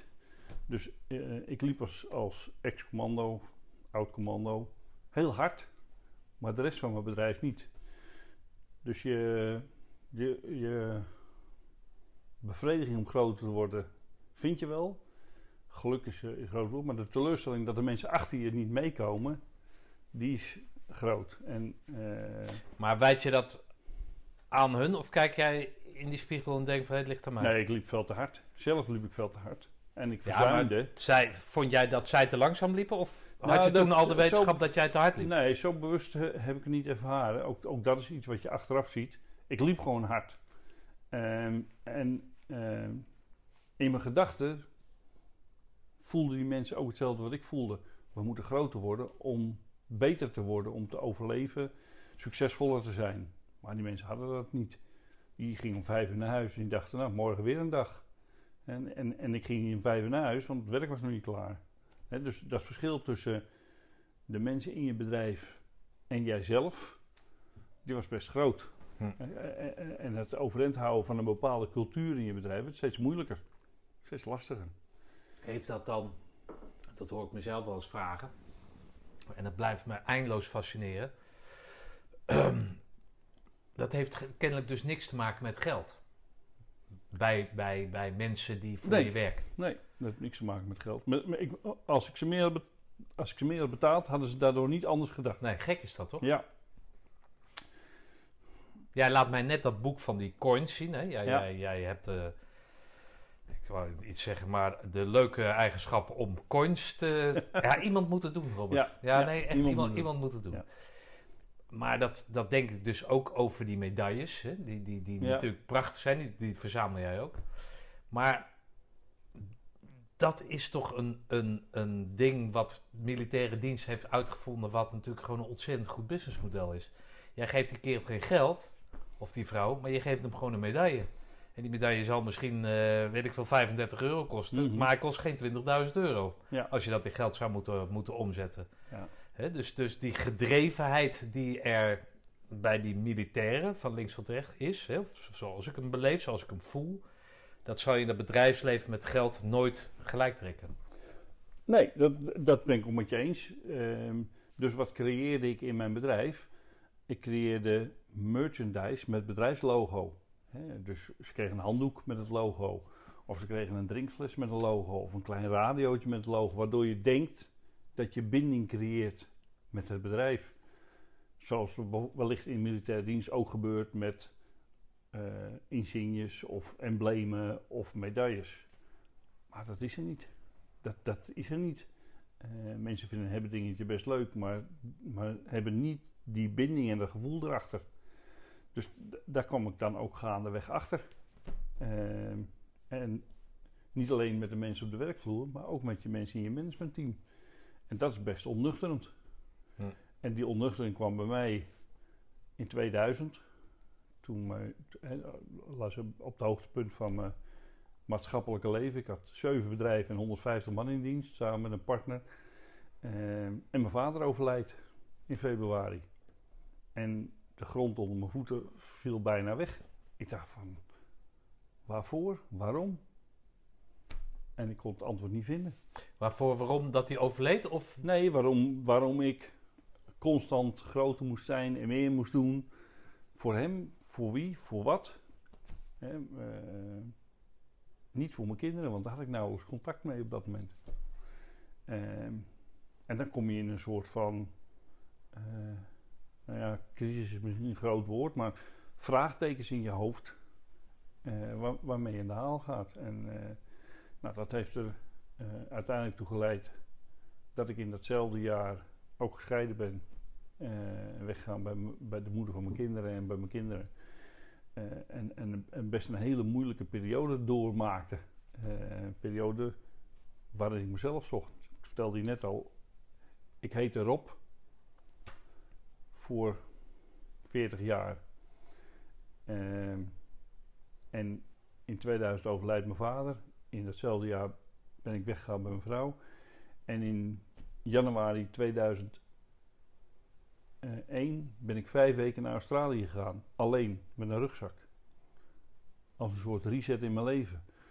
Om na te denken over wat wil ik nou? Wat ga ik doen en hoe ga ik het doen?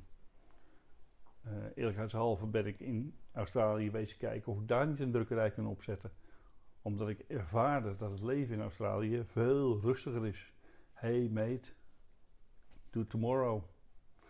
Ehm, goed, dat is uiteindelijk niet gelukt. Ik ben teruggekomen.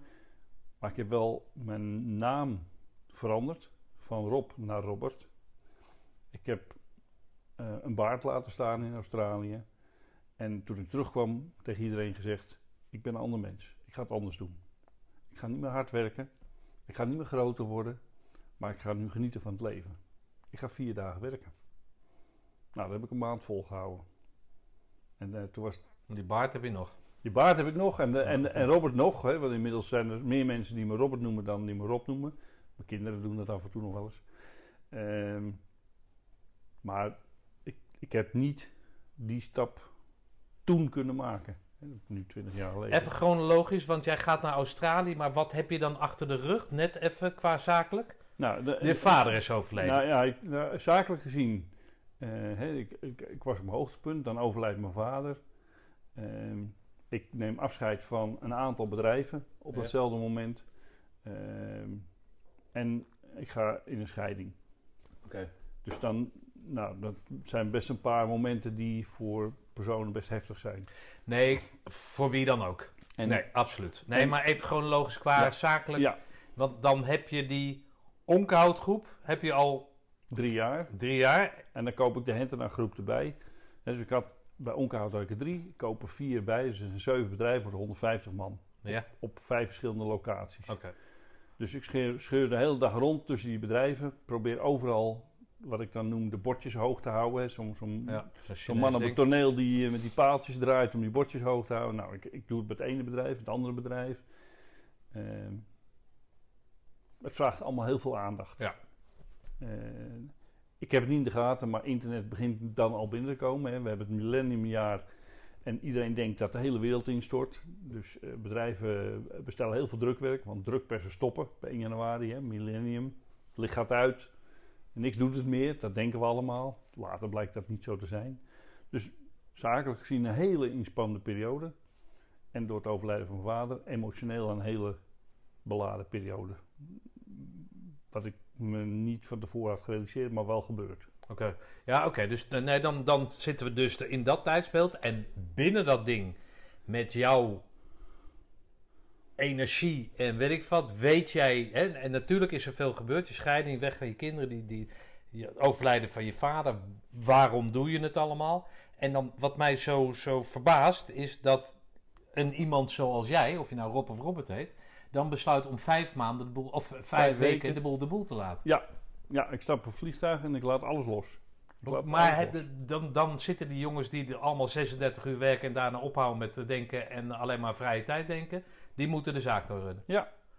Dus dan ben jij wel heel, heel erg diep gedaald. Dan wil je dat, wil je dat zo los, zo los kunnen laten. Dat was een hele grote stap. Ja. ja.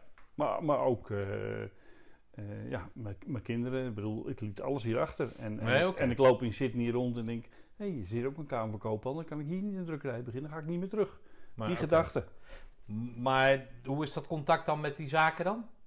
In die vijf weken? Nou, uh, niet, nauwelijks, want ik travel door heel Australië. Ik heb 12.000 kilometer getrokken. Er is geen contact, want je had geen uh, mobiele telefoon. Nee, maar je komt niet een stadje binnenrijden met een bus en uh, is hier een telefoon. Nee. Dat is het niet. Nee. Dus je, je laat de boel de boel, letterlijk en figuurlijk. Ja, ik laat het okay. En hoe voelt dat dan? Ja, uh, ja, ja, hoe voelt het? Ik moet je eerlijk bekennen, ik voel niks in die periode. Ik, heb voor mezelf gezegd, dat ga ik doen en dan ga ik het ook doen. En dan, en dan laat ik het los. Dan gaat het maar gebeuren. En dan zie ik het wel weer over vijf weken als ik terugkom. Ik ga gewoon mijn ding doen. En ik zit ergens in Australië. En ik zit bij een snelstromende rivier. Ik pak een houtje en ik kerf Rob in het houtje. En ik gooi hem in het water. En ik zeg vanaf nu heet ik Robert. En ik kom terug als Robert. En ik heb een baard. En dan zeg ik tegen iedereen, ik ben een ander mens. En dan kijken ze me aan. Zeg, ja, je ziet er anders uit, maar je bent nog steeds Rob. Nee, ik, ik wil een ander mens zijn. Ik wil het anders doen. Ik wil minder hard werken. Ik wil... Maar goed, dat houden ze een maand vol. En dan hou ik een maand vol. Oké. Precies. Ja, ja dan hou ik wat, een maand vol. Maar wat, wat wil je ermee zeggen dan? Nou, dat, uh, wat ik ermee wil zeggen is dat um, je maakt heel veel mee in het leven. Je komt altijd op een punt waarin je gaat kijken, wat is er nou, wat, waar doe ik het voor, wat is er gebeurd in mijn leven en hoe ga ik verder. En ik heb dat punt ook gehad. En ik heb geprobeerd op dat punt een verandering aan te brengen, maar het is me niet gelukt. Niet alleen gelukt. Ik ontmoet Simone en uiteindelijk samen komen we tot een ander leven. Ik ben nu 20 jaar verder en ik kan nu zeggen dat ik nu wel veranderingen in mijn leven heb aangebracht die ik toen niet kon aanbrengen. Bijvoorbeeld door pas voor mijn kleindochter. Hm. Dat soort dingen. Uh, dus als je, als je kijkt naar het tijdsbeeld, groene beret, tot aan het overlijden van vader, verschrikkelijk hard gewerkt, heel veel bereikt. En dan komt dat breekmoment en dan ga je anders tegen het leven aankijken. Daarna heb ik nog wel wat succesvolle uh, periodes gehad, maar dan gaat eigenlijk de afbouwperiode beginnen. Ja, afbouw, dat klinkt heel positief. Afbouw is, je, je hebt de twee Olympische medailles en gaat, je gaat een beetje aftrainen. Nee, zo is het niet. Uh, want het is bij mij uh, niet altijd een zelfstandige keuze geweest. Een afbouwperiode die niet vrijwillig was. Um, en, ja, geef daar eens handen voeten aan, want, want wat, nou ja, wat, bedoel, wat bedoel je? Dat is mijn vraag, wat bedoel je ja. met afbouw? Ja. Is dat aftakeling, dat hele negatieve? Dit, dit, want, want je laat hier en daar, ik ken je verhaal dus, hè, omdat we in de tuin hebben gezeten, maar voor de luisteraar. Ja. Jij geeft even aan, ja, toen was er al wat met, hè, je kon al wat weten in, in, uh, op uh, internet of zo, weet ik wat. Dus je hebt een drukkerij, een grotere drukkerij. Je wil een van de grotere spelers in, in Nederland wil je worden. Ja. Uh, dat zit helemaal opgesloten in het ding meer en groter en uh, ambitie en groeien. Um, dan loop je tegen de dood van je vader aan. Of je vader het overlijdt. Scheiding, alles komt natuurlijk tegelijk. Ja. Dan ga je resetten en dan laat je baard staan. Je noemt je Kees en je heet Rob en uh, ja. weet ik wat. Ja. Je gaat rustig aan, het lukt niet. En dan... En dan. En dan. Ja. Nou ja, ik, ik, ik, zit in het jaar 2000, 2001. Um, ik heb natuurlijk het bedrijf verkocht in 97, flinke koopsom moeten betalen. Ik nader het moment waarop mijn leningen afgelost zijn. Um, en eigenlijk de plannen die ik in Engeland had ingediend kan realiseren. Dus ik wil verhuizen uh, uit een woonwijk. Ehm, ik koop een pand in Almere, een groot pand, en breng de bedrijven samen op één plek in een groot pand. Dat gebeurt in 2003, 2004. Uh, ik zit nog steeds in de flow van je moet groot worden. Maar internet neemt een veel snellere vlucht aan dan we kunnen voorzien. Althans, dan ik heb kunnen voorzien. Ehm, en mensen stoppen met, eh, met het kopen van landkaarten. Mensen stoppen met het kopen van een spoorwegboekje, want alles is op internet te vinden. Facturen worden digitaal verstuurd. Visitekaartjes worden digitaal gemaakt. Kortom, het hele fenomeen drukwerk wordt enorm veel minder. Juist op het moment dat ik een, eh, een grote investering heb gemaakt naar nieuw pand, nieuwe drukpers, etc. Dan, dan zit ik in 2004, 2005. Ehm, en dan merk ik dat de keuzes die gemaakt worden niet de juiste zijn. Maar ja, bijsturen is lastig. Ja, de keuzes die gemaakt zijn. Ja, want ik heb, want ik heb een pand en ik heb geïnvesteerd. Dus uh, wat, wat moet je doen? Ja, je moet geforceerd door blijven groeien. Ehm, en, en doorgroeien op dat moment is uh, orders kopen tegen lagere prijzen. Wat zeg maar groei bevordert, maar niet rendement bevordert. Ja. Dus je teert in op je eigen vermogen. Ehm, het lijkt allemaal nog best goed te gaan. En dan in 2008 komt de financiële crisis. En wij, wij deden met, ons, met mijn drukkerij heel veel werk voor financiële instellingen, pensioenbedrijven, verzekeraars, etc. En die beginnen allemaal uh, flink de kraan dicht te draaien als het gaat om drukwerk. Uh, ik kom dan in de situatie dat ik binnen mijn bedrijf twee keer een reorganisatie moet toepassen. Nou, ik heb het bedrijf uh, inmiddels 13 jaar in eigendom. Ik werk er dan dik 20 jaar, ken alle mensen, ken ook de vrouwen en de kinderen.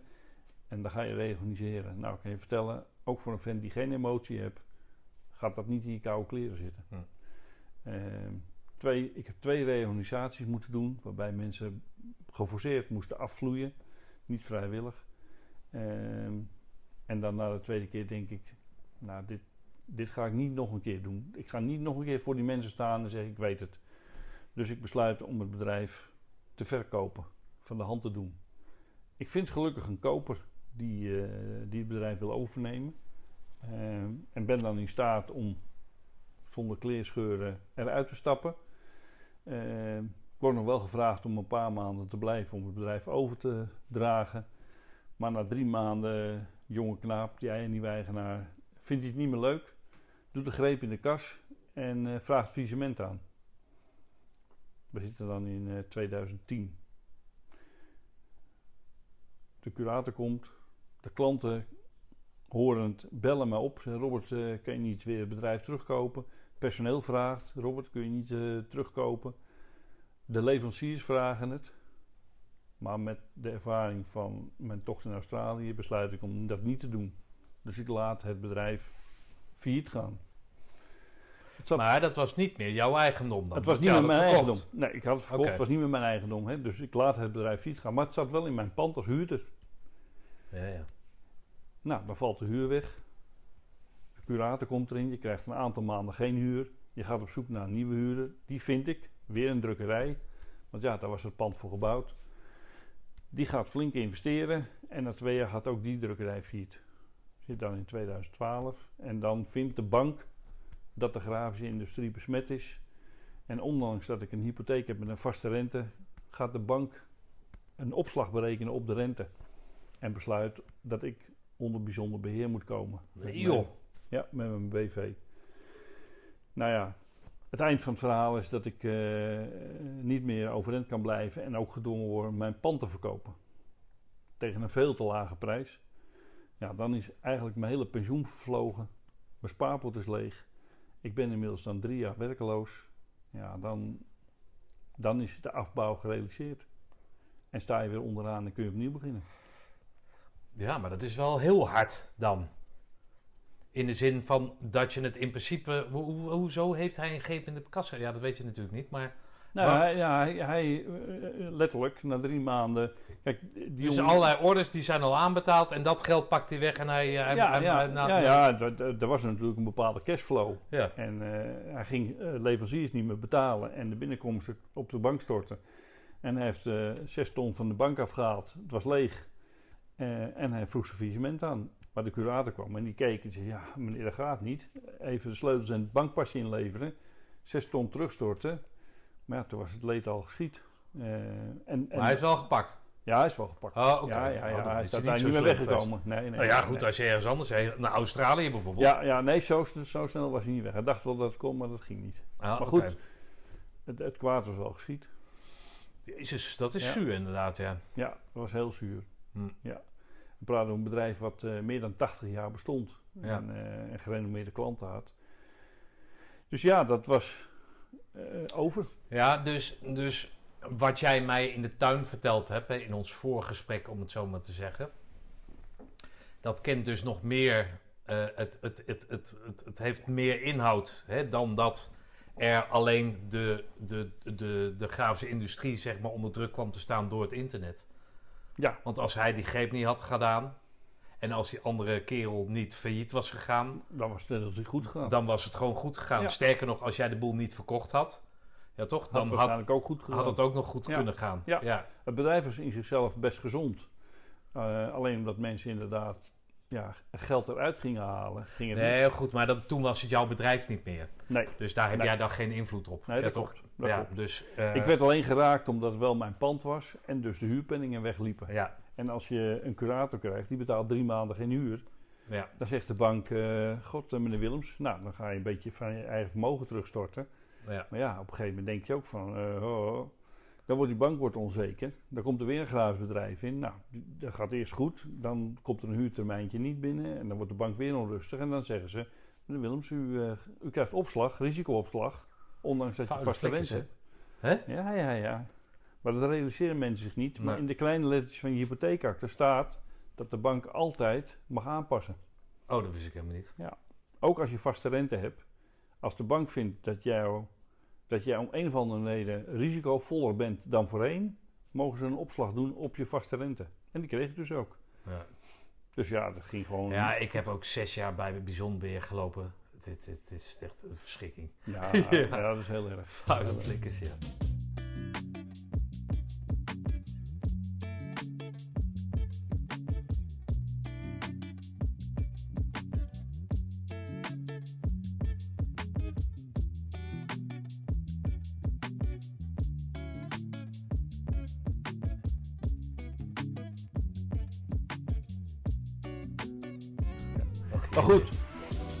Was dus over. Mijn pand was verkocht met een flinke schuld. Ehm, ik was werkloos en dus ging ik uh, werk zoeken. 180 sollicitaties, één gesprek. Want ja, uh, eigenaar op leeftijd, slechts beperkt gericht opgeleid, grafisch. En daar zat de wereld niet op te wachten. Hm. Dus ben toen wat interimklussen gaan, gaan doen. En in een van de interimklussen vond ik een vaste baan. En, uh, en ben ik in loondienst gegaan. Wederom een flinke draai in je leven. Uh, want ja, van hoofdbeslisser naar zeg maar volger van het beleid. Ja, dan moet je wel, uh, dan moet je wel even schakelen. Hoe, ehm, hoe, uh, hoe ga je dan zo'n eerste dag naar het, hoe ga je dan zo'n tweede dag naar je werk toe dan? Nou, het grappige is dat ik uh, bij, bij dit bedrijf ben begonnen in een interimklus omdat het een puinhoop ah, was. Ja, ja, okay. Dus ik heb eerst vier maanden interim gedaan. Dat betekent alleen maar luisteren en, uh, en kijken. Dan kan je nog afstand nemen. Ja, afstand nemen. En die mensen vertellen je allemaal wat er mis is. En toen, na vier maanden, kreeg ik de baan. Nou, toen wist ik wat er mis was. Dus was het eigenlijk invullen wat die mensen wilden. En daar, uh, nou, dat, dat ging goed af. Uh, dus uh, ik voelde me daar wel een vis in het water. Het was een distributiecentrum, los van de hoofdvestiging. Hè, dus ik had wel het gevoel dat het ook een beetje mijn bedrijf was. Ja, okay. en, als, en als het goed ging, kwamen ze ook niet lastigvallen. Dus dat, dat hm. ging best goed. Oké, maar wat, waarom ik het vaag tweede dag... Maar ja, goed, dan heb je al een periode ervoor zitten natuurlijk. Maar waar ik even naar op zoek ben, omdat ik dat zelf natuurlijk ook heb meegemaakt hoe is het dan om onder iemand te werken, zeg maar? Dat is heel lastig. Wat, dat, wat, lastig, ja, wat vind jij daar lastig aan? Nou, het lastige, uh, wat ik vind als, als voormalig ondernemer en En zelfbeslisser is dat je ehm, kijkt naar mensen die beslissingen nemen, waarvan je van sommige beslissingen denkt die zijn goed en van sommige beslissingen denkt die zijn fout. Wat mijn werknemers ook van mij hadden. Ja. Alleen ik hoorde dat nooit, maar dat, dat heeft natuurlijk iedereen. Alleen als je ondernemer bent geweest en je vindt dat iemand een verkeerde beslissing neemt, dan moet je je tong afbijten om daar iets over te zeggen. Want je hebt er niks over te zeggen. Maar, maar zei er wat over? Ja, ik wel. Ja, ik hield mijn mond niet. En werd dat gewaardeerd? Niet altijd. Uh, en zeker niet in een grote organisatie. Ik zei wel eens tegen Simone, mijn vrouw, dat politieke spel, dat ligt me niet zo. Ik ben gewoon wie ik ben. En ik vertel wat ik vind. Uh, en, en als je niet met me eens bent, dan moet je me maar vertellen wat het anders moet. En, en als ik je geloof, dan hebben we een goed gesprek. Maar als, als ik niet geloof, dan blijf ik bij mijn eigen mening. En dan vind ik nog steeds dat jij het verkeerd doet. En maar zien mensen het dan als bemoeizucht? Maken ze het af met van joh, ga jij gewoon je ding doen en nou jij even lekker je bek dicht? Of weten ze, ondanks dat ze het niet met jou eens zijn, weten ze toch te waarderen dat je je opstelt niet als een werknemer die om vijf uur naar huis gaat en vijf of vijf spullen pakt en om één over vijf buiten staat. Maar zoals jij zeg maar in je eerste baan zeg maar, gewoon ten alle tijden beschikbaar bent en bereid bent om door te groeien. Waarderen ze dat? Waarderen ze die nou, positieve kritiek of hetgeen wat jij probeert te zeggen? Het, het gekke is, het was een organisatie van 350 man, dat het vaker uh, bedreigend werd gevoeld dan, dan gewaardeerd werd. Ja.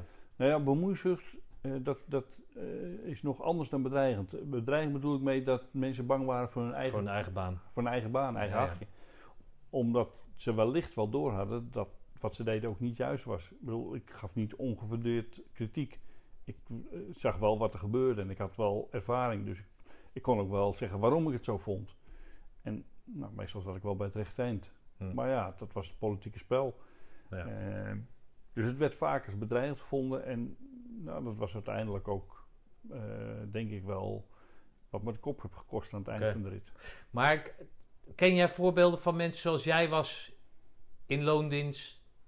Van mensen die toen jij de baas was hetzelfde acteerden als jij? Niet? Ja, en wat, hoe, hoe, ging jij dan met die mensen om? Ik heb, ik heb eh, mensen die altijd eerlijk voor hun mening uitgekomen, gewaardeerd en ook gehoord. Ondanks dat ik een, uh, uh, toch wel een dominante leider ben geweest, heb ik wel altijd naar mensen geluisterd waarvan ik dacht, daar zit wel wat in.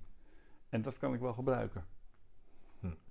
En ja, dat gevoel had ik ook wel terug willen zien toen ik zelf in loondienst was. Oké. Wat, wat, wat doet dat met je, met je eigen waarde? Uh, het deed niks met mijn eigen waarde, want ik was uh, van overtuigd dat ik goed zat. Maar het knabbelde wel aan mijn bedrijfsethiek. Aan, mijn, uh, aan de mogelijkheid om langer te werken of meer inzet te tonen. Het, het, het creëerde, zeg maar, het gevoel van, nou ja, laat me gaan dan. En, en dat was heel tegenstrijdig, want dat wilde ik eigenlijk niet. Ik wilde gewoon dat succes maken. Hm. En die conflictheid, daar heb ik wel moeite mee gehad. Hm. Ja, maar je had geen moeite met, zonder dat mensen dat zeiden, van dat je dacht van, nou, ze denken vast, dan heb je hem weer. Nee. Nee? Geen, nee? geen moeite mee? Nee, daar heb ik geen moeite mee gehad. Want ik, ik vond dat ik in mijn recht stond en, en, dat ik gelijk had. En als iemand me niet kon overtuigen. Nee, maar van dat baas zijn tot, tot werknemer worden. Zeg maar, daar ja, de, de, nou ja, eigenwaarde vloeide niet, die ging niet neerwaarts. Nee, nee, nee, want het was een redelijk zelfstandige operatie. Dus ik kon ook wel best mijn ding doen. En dan in 2016, dan wordt mijn moeder vermoord. Op een zondagmorgen word ik gebeld door mijn broer dat ze overleden is. En dan uh, hoor ik dat het lichaam in beslag is genomen van mijn moeder. Uh, zij woont in Amsterdam, ik woon zelf in Putten. Ja, dan, dan weet je niet wat je overkomt. Uh, dus er komen allerlei vragen bij op. Ik wil, ik wil afscheid van haar nemen, dat gaat niet, want ze is in beslag genomen. Ehm, duistere omstandigheden. Uh, politie geeft geen duidelijkheid. Uiteindelijk uh, wordt dinsdag wordt het lichaam vrijgegeven en start de begrafenis. En ik word door mijn broer geweigerd om bij het afscheid te zijn. Niet alleen ik, maar ook mijn jongere broer. Alle twee. Ja, wij wilden ook, wij wilden ook bij de uitvaart zijn. Dus we hebben onder politiebegeleiding hebben we de uitvaart gemaakt. Omdat men bang was dat er wat zou gaan gebeuren. Nou, kort verhaal lang. Uh, zeven maanden later wordt mijn broer gearresteerd. Op verdenking van moord op mijn moeder. Omdat ze vergiftigd is met een overdosis oxycodon. En dat is? En oxycodon is een uh, morfine uh, medicijn. Doe het kappen nou, kom hier. Die zorgt ervoor dat je geen pijn heeft. Uh, maar als je een overdosis krijgt, dan, uh, dan stoppen ook je ademhalingsorganen en stik je eigenlijk. Uh, en zij is een overdosis oxycodon overleden. mijn broer en mijn schoonzus worden alle twee gearresteerd op verdenking van moord. En uiteindelijk wordt mijn broer ook veroordeeld voor moord op mijn moeder. Ja. Ja, dat was wel even een heftige periode, moet ik zeggen. Ja, we hebben de ene heftperiode afgesloten en de volgende dient zich aan. Dus wat dat betreft. Ja. Waarom heeft jouw uh, broer daartoe besloten? Nou, we hadden een vermogen in de familie. Na het overlijden van mijn vader was er uh, wat onroerend goed. En dat is naar mijn moeder gegaan als langslevende. Uh, mijn moeder begon te demonteren. en wist niet meer precies wat ze deed.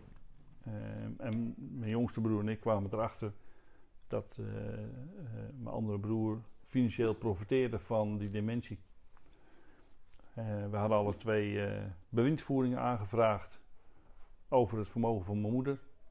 Uh, en de dag dat de brief in de bus viel om mijn moeder op te roepen bij de rechtbank, is ze overleden. En na later blijkt dat mijn broer flinke bedragen heeft overgemaakt van de rekening van moeder naar zijn eigen rekening. En daarmee dus het uh, ja, financieel gewin wilde hebben. En dat is het doel geweest, uiteindelijk. Oké. En door haar uit het leven te helpen, dacht hij de boel te verdoezelen? Ja, ja hij, was, hij had ook het testament aangepast. Hij was ook enig erfgenaam. Dus uh, hij dacht, als er nou een soort van natuurlijke dood sterft, waarvan niemand weet hoe het uh, veroorzaakt wordt, dan uh, krijg ik het hele vermogen en komt niemand erachter dat ik al bedragen heb overgeheveld. Maar ja, ze werd onder verdachte omstandigheden door de lijkschouwer gevonden. Die waarschuwde de politie. En, en ja, toen begon het balletje te rollen. Maar ja, het was maandagmorgen, voorpagina nieuws op de Telegraaf, dat mijn moeder was overleden. En ja, dan, dan krijg je natuurlijk heel veel vragen, want mijn achternaam komt niet heel veel voor in Nederland. Nee. Dus ik kon er ook niet omheen. Hm. Ik kon er niet omheen. Ja, het is een beetje nutteloos om te vragen wat dat met je doet. Maar, maar, maar wat, wat... Ja, wat doet het met je? Ja, ja een gevoel van onmacht.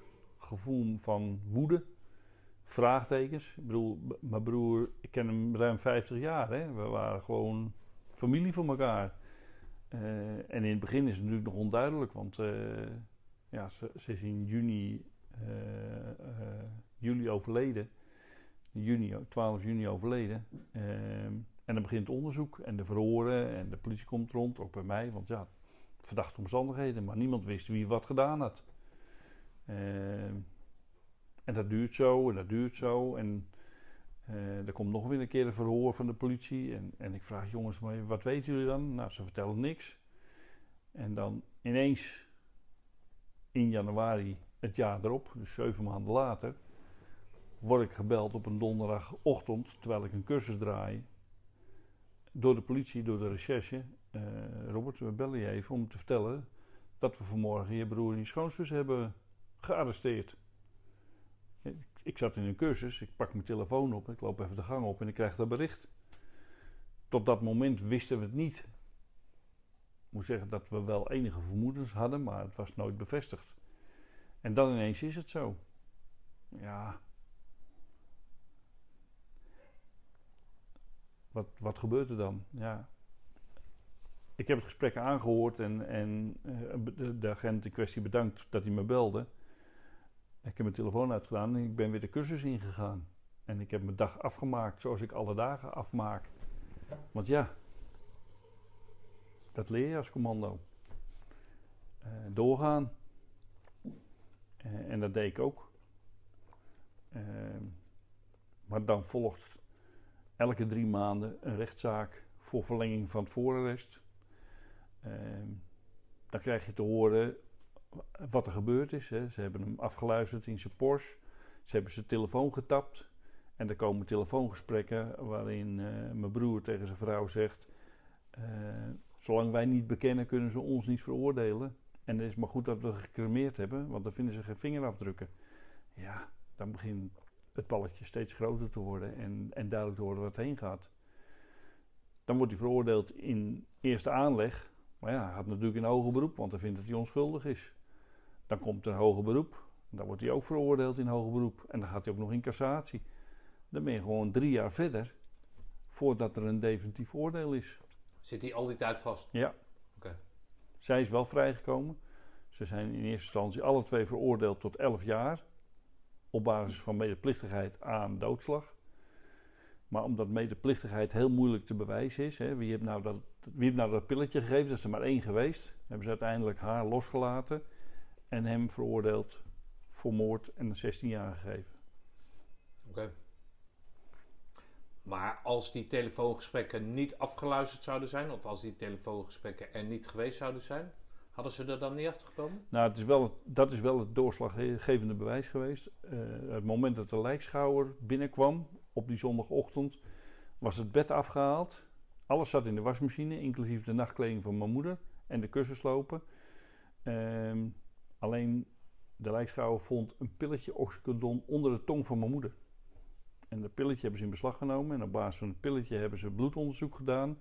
En na drie maanden bleek uit het bloedonderzoek dat het een overdosis oxycodon was. Omdat het moeilijk was vast te stellen. En omdat het een overdosis was, hebben ze toen zeg maar getapt. Ik denk dat in mijn telefoon ook getapt is. En die van mijn jonge broer ook, dat weet ik niet zeker, maar ik denk het. Uh, maar we hebben ja, niks raars gezegd, want we hadden niks mee te maken. Maar zij hebben dit soort dingen wel gezegd. Hm. En op basis van dat hebben ze hem uh, hebben ze hem gearresteerd. Oké, maar zonder dat die telefoongesprek hadden ze dus geen bewijs gehad? Nou, ja, geen, hadden geen aanleiding gehad om te arresteren.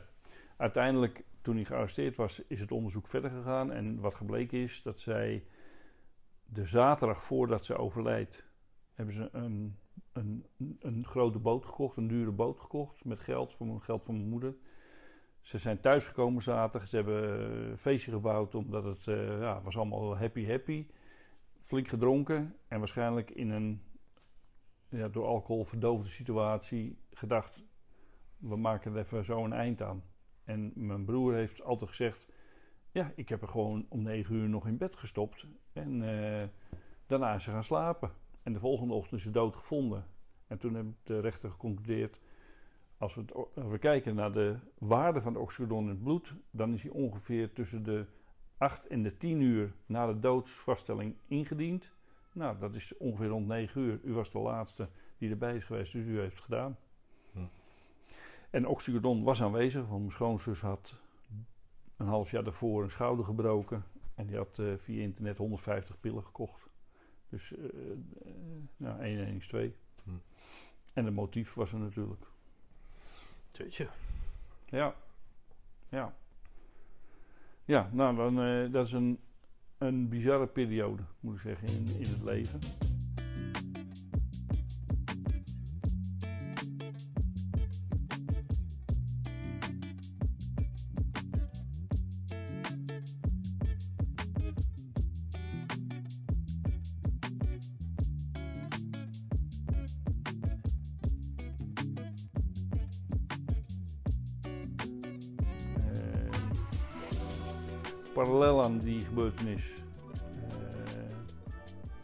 De dochter van Simone het contact op en verliest het contact met ons kleinkind.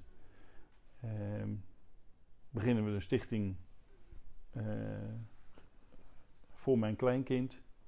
Een stichting die grootouders helpen die geen contact hebben met, uh, met kleinkinderen. Ehm, een, een emotionele stichting. Want je komt in contact met, met grootouders die om welke reden geen contact hebben met hun kleinkind. Grootouders hebben geen recht op contact met hun kleinkind. Is dat zo? Ja, ja dat is uh, als je bij de rechter komt, dan moet je aantonen dat je een family life hebt met je kleinkind om een omgangsregeling te hebben. En een family life betekent dat je moet aantonen dat je uh, belangrijk bent in de opvoeding. Of dat ze bij je gewoond hebben, whatever. Nou, dat is heel lastig aantonen. Dus de rechter zegt, uw verzoek tot omgangsregeling is niet ontvankelijk. Hè, is niet uh, ontvankelijk. Dus wordt niet in behandeling genomen. Die grootouders zitten nu met een geweldig dilemma. En uh, veelal denken mensen dan, nou, er zal wat aan de hand zijn. Maar wat je vergeet is, door een scheiding, hè, als mensen uit elkaar gaan, kan een contact verbroken worden. Uh, door overlijden van een van de twee ouders kan het contact verbroken worden. door narcistisch gedrag van een van de ouders kan het gebeuren. Ehm, maar ook door criminaliteit of drugsgebruik. En wij hadden 100 ouders in de stichting en die hadden allemaal dat soort redenen. Ehm, en de stichting had tot doel de overheid ervan te overtuigen dat grootouders belangrijk zijn in de opvoeding van kleinkinderen. Zij zijn immers de waarborg in hoe de jeugd was van de ouders van die kinderen. Hm. En ook een veilige basis als er spanning in huis zou zijn. Ehm, dus wat wij als stichting hebben gedaan is drie doelen. De overheid ervan overtuigen, de regeling veranderen en grootouders steunen in verwerking. En dat steunen deden we door drie of vier keer per jaar een praatgroep te organiseren, waarbij grootouders met elkaar in een setting hun verhaal konden vertellen, anderen konden horen en, en dus het leed konden delen. Nou, dat, dat ging heel goed. De overheid ervan overtuigen was lastig. Uh, dus wij zijn op een gegeven moment in contact gekomen met een wetenschappelijk instituut en die heeft een rapport over geschreven. Uh, en dat rapport is ingediend bij de regering. Alleen dat was net voor coronatijd, dus die is een beetje in de, in de onderste la verdwenen. Tot anderhalve week, anderhalve maand geleden. En uh, heel recentelijk is de overheid van mening dat de positie van grootouders verbeterd moet worden. En er komt waarschijnlijk dit jaar een wetsvoorstel waarin grootouders per definitie een family lifeline hebben en dus de mogelijkheid hebben om naar de rechter te gaan om een omgangsregeling te krijgen. Of dat zinvol is, is natuurlijk een andere vraag, hè, want je kunt wel afdwingen dat je je kleinkind mag zien. Of je het dan kan zien is nog steeds aan de ouders. En of het voor het kleinkind van belang is, is het anders. Maar het is voor de verwerking van die grootouders wel heel belangrijk. Okay. En Simone was de voorzitter en ik was de penningmeester van die stichting. Dus we hebben dat samen gerund. En zij heeft uh, anderhalve week geleden een interview gegeven via het Algemeen Dagblad, waarin een artikel heeft gestaan over dat wetsvoorstel. Maar goed, je kunt je voorstellen als je. Het was de eerste kleindochter die we kregen uh, van haar dochter. Als dat contact verbroken wordt, en dat is nu tien jaar geleden. Zij was geboren op mijn verjaardag. Ja, dat dat voor Simone een heel emotioneel ingrijpend verhaal was. En, en daarmee voor mij ook. Ja in zeg maar, die periode waarin ik zat met de veroordeling van mijn broer en de verwerking van het verlies van mijn moeder.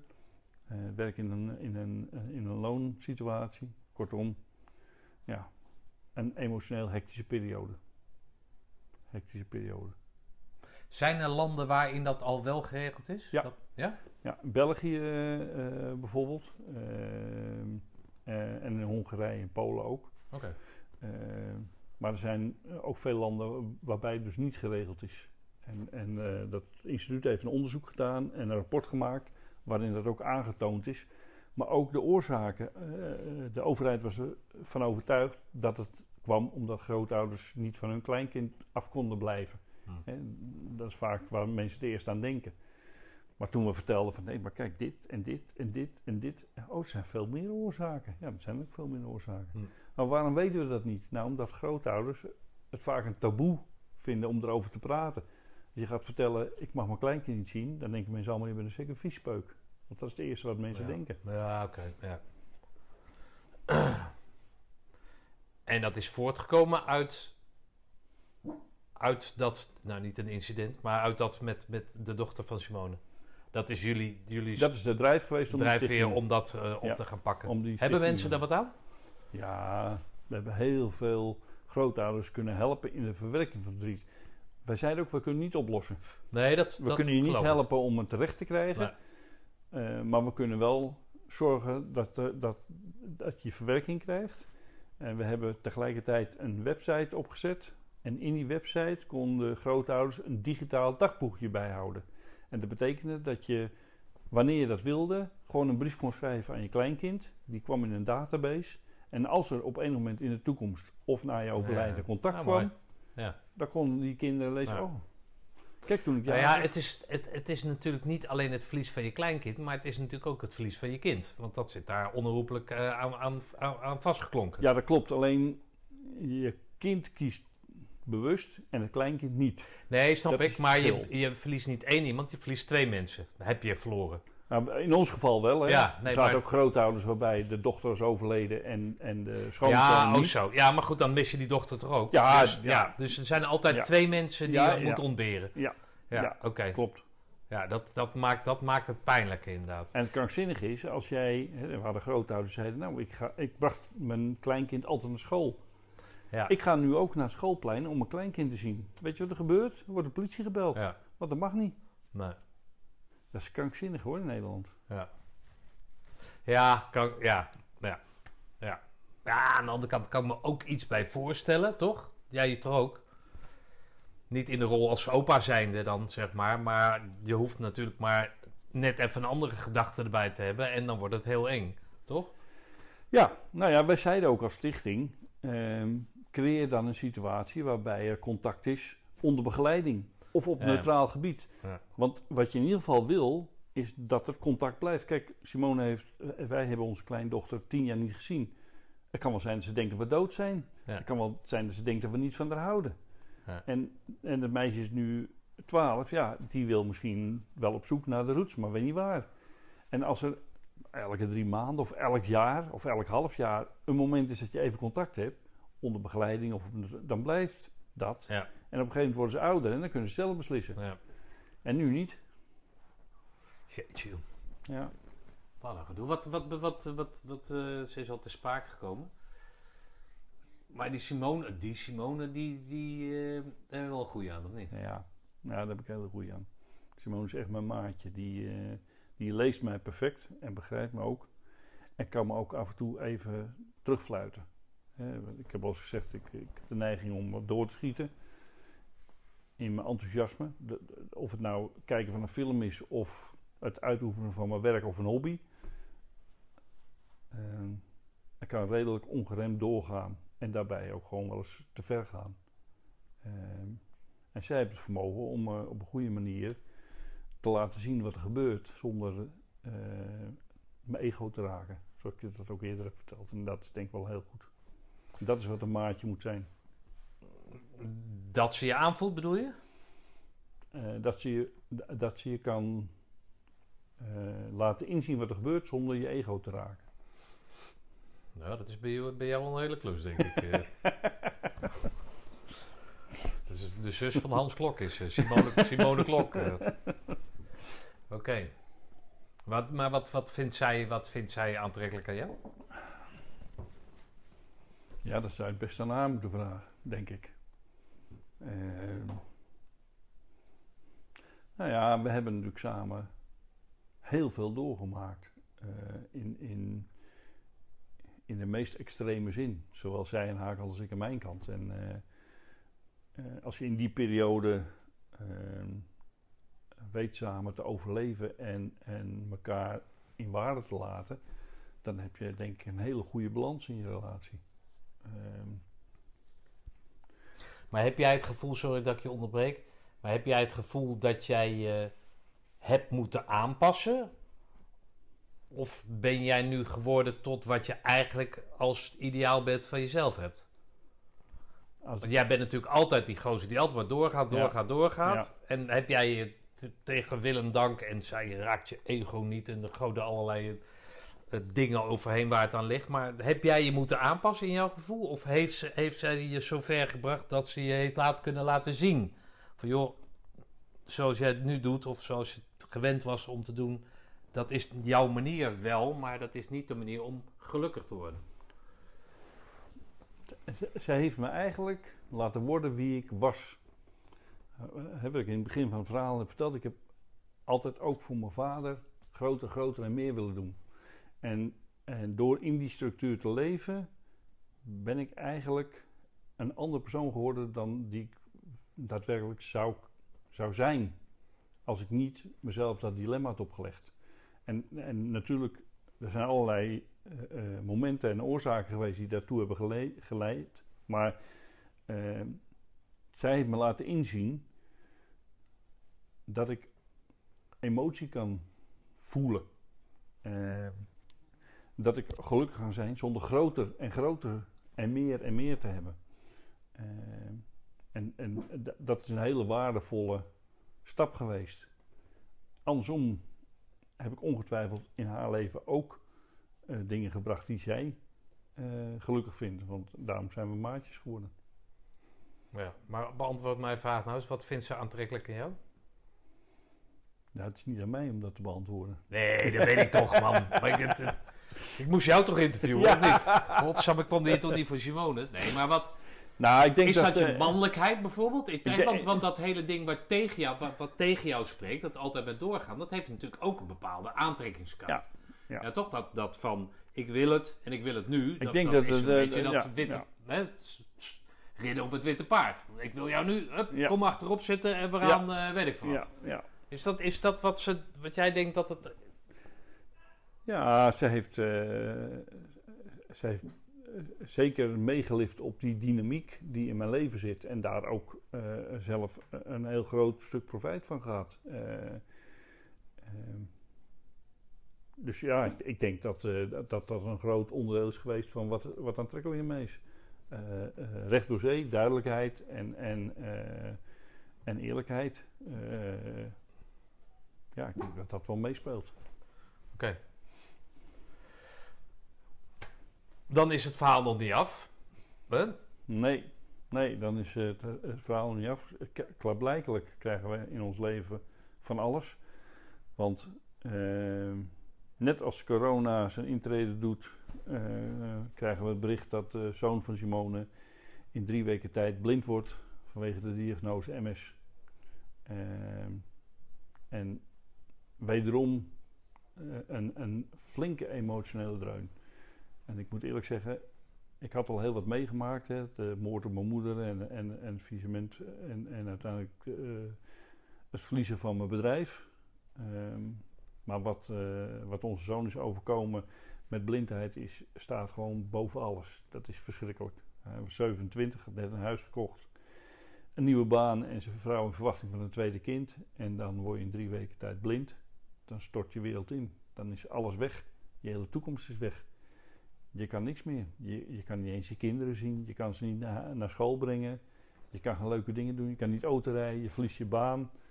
Uh, ja, dat is verschrikkelijk. En zoals Simone dat zegt, ik heb één kind die me niet wil zien en ik heb één kind die me niet kan zien.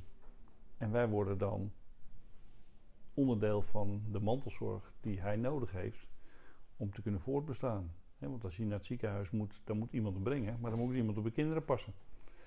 Uh, en dus bij regelmaat van de klok zijn wij betrokken bij dat onderdeel. Zij wonen hier? Zij wonen in Bunschoten, dus een half uurtje in vandaan. Oké. Dus uh, redelijk dichtbij. Maar het, het, heeft nog wel wat voet in de aarde. Het is niet van uh, stap even op de fiets en neem Bunny mee. En uh, nee. het, er moet altijd geregeld worden. Het moet altijd geregeld worden. Ja, altijd. En, en soms op hele onverwachte momenten. Ja. Want uh, ja, het kan zomaar zijn dat hij een oproep krijgt voor een MRI. Of een bloedonderzoek. Of hij heeft een huisarts hier in Putten. Ja, mijn medicijnen liggen klaar. Ik zit in Bunschoten. Kun je even de medicijnen halen en ik heb ze vanavond nodig voor het innemen. Nou, allemaal van dat soort dingen. Hm. Dat is ook het moment waarop uh, we besluiten om de Stichting voor ons Kleinkind op een laag pitje te zetten. Uh, want we zijn heel druk met het zijn voor andere grootouders. Maar we hebben gezegd, nu zijn we er even voor onze eigen kring, onze binnenkring. En gaan we ja, al onze energie richten op, op wat hij nodig heeft. Doet, kap is. Hij en zijn gezin. En, en dus zijn die kleinkinderen hier regelmatig. Of zijn we daar, of rijden we met hem heen en weer. Hm. Ja.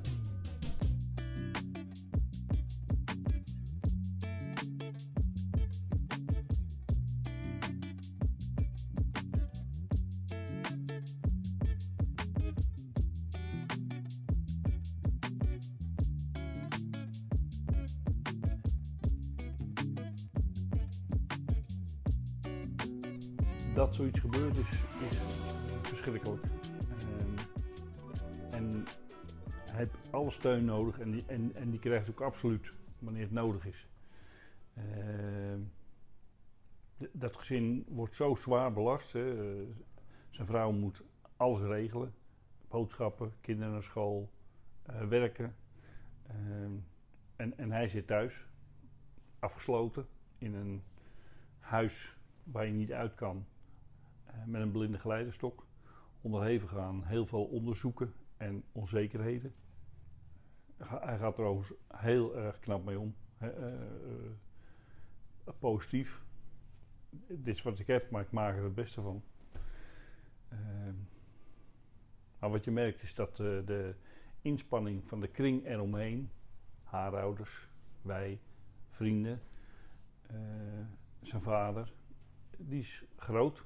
Want ja, hij vindt het zelf verschrikkelijk, maar hij moet altijd andere mensen vragen hm. om geholpen te worden. Uh, om de kinderen op te vangen, om naar het ziekenhuis te gaan, om medicijnen te krijgen. En op het moment dat de kinderen hier zijn of bij haar ouders, dan gaan alle daken open. Want hè, dus hier en fietsen en trampoline en uh, schommelen en in het bad en, en, en. Want thuis is het natuurlijk redelijk beperkt. Hm. Hij is er wel elke dag, maar hij kan natuurlijk niet anders. Nee. Uh, en zijn zoontje is later geboren nadat hij blind was ja, als die kinderen wat op de grond laten vallen, wat een kind altijd doet, ja. dan zie je het niet liggen als hij erheen loopt. Nee. Ja, er wordt altijd wel, altijd, maar er wordt wel eens gevraagd, zou je liever blind of doof worden? Maar als je dan in die leeftijd bent met die jonge kinderen, ja, veel onmogelijk natuurlijk, maar dan kan je maar beter doof zijn, want dan kan je het nog zien en dan kan je het nog oplossen. Maar als je blind bent, dan, dan gaat dat natuurlijk niet. En ja, MS, is natuurlijk een ziekte die langzaam erger wordt. Wordt niet beter, nooit beter. Er is geen medicijn voor. Ze kunnen het wat afremmen, maar ze kunnen het niet genezen. Nou, dan heeft hij, dus twee jaar geleden is dat gebeurd. Um, tot begin van het jaar hij in één keer weer zicht kreeg. En dat gaat heel geleidelijk, maar op een gegeven moment krijgen ze onderzoek en toen bleek dat hij weer 50% zichtvermogen had. Nee joh. Nou, mensen stonden voor een raadsel. Artsen wisten niet wat er gebeurde. Dus nou, hij, mocht weer fietsen. Hij mocht ook auto rijden. Ze hebben een, tweede autootje gekocht, want ze hadden er maar één. Uh, dus de wereld gaat een beetje open. Hij staat ingeschreven voor een blinde geleidehond. Die is nu ook opgeleid, heeft hij kennis meegemaakt. Dan is de twijfel, ja, moet ik hem nou nog wel nemen? Want als ik kan zien, die hond moet wel werken.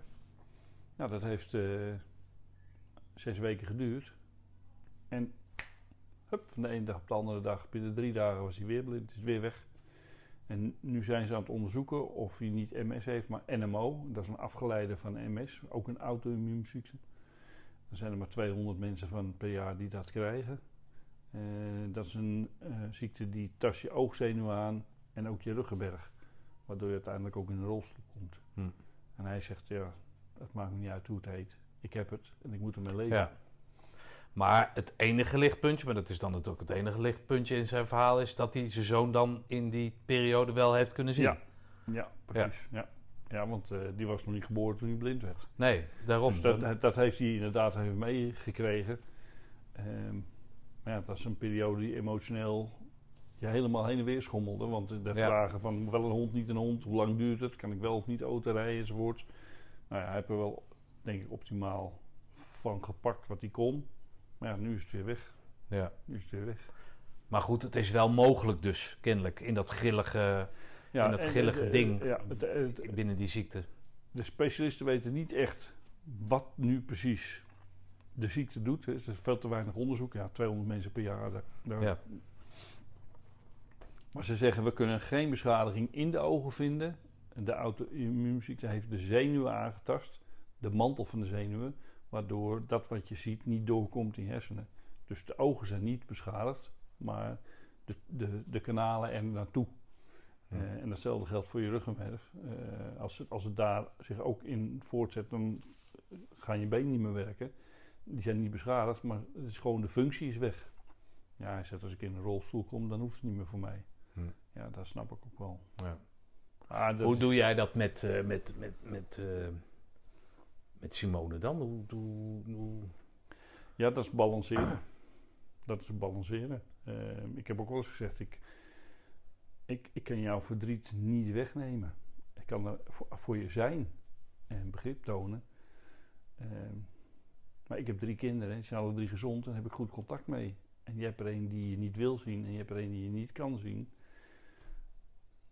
Ja, het is verschrikkelijk. Ehm, en ik beweeg mee waar ik kan. Uh,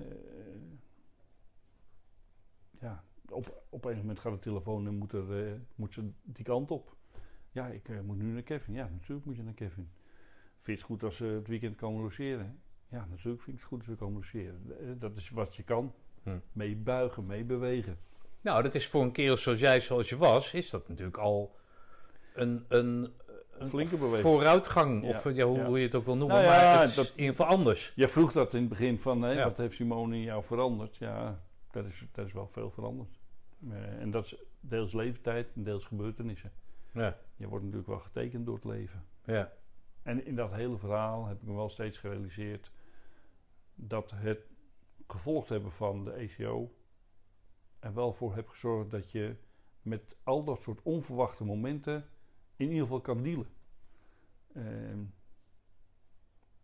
soms zeggen mensen wel eens tegen ons: Wat jullie meemaken, ik had een lang pilletje genomen en ik was eruit gestapt. Uh, nou, dat gevoel hebben we niet. Dat hebben we hm. niet. Uh, het, het, is wat het is. We maken er het beste van. En dat doen we dan ook. En gelukkig hebben we elkaar.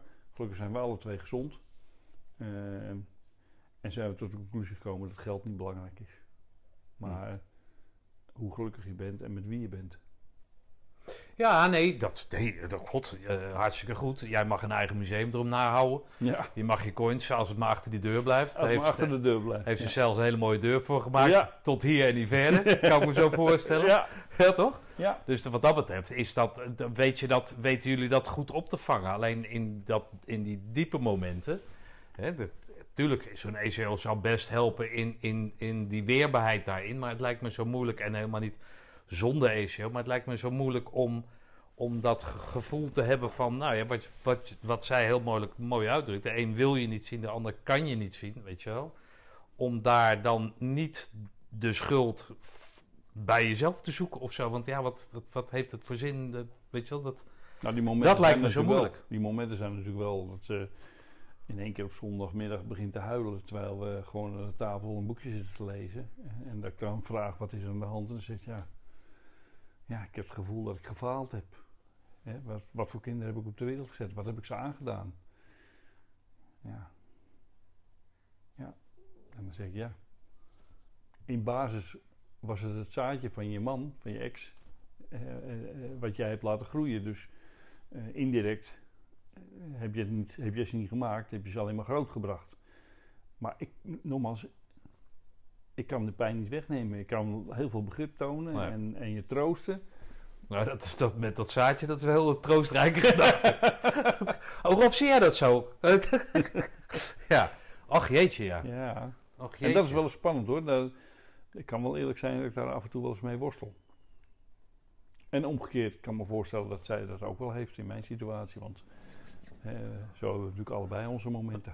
Ja, want ik zie net in het mooie boek wat je gemaakt hebt, natuurlijk omdat het je vak is, zie ik dat je uh, de zaakjes goed voor elkaar had. Ja. Hè, financieel gezien. Ja. Maar dus ook met Simone. Hè, in die periode dat je met Simone bent, hè, ja. hebben jullie het ook goed gehad. Het is dus niet, niet zozeer dat, dat, dat dat een vorig leven was en dat jullie samen, weet ik wat. Nee, jullie hebben die rijkdom, hebben jullie ook ervaren. Absoluut. Absoluut.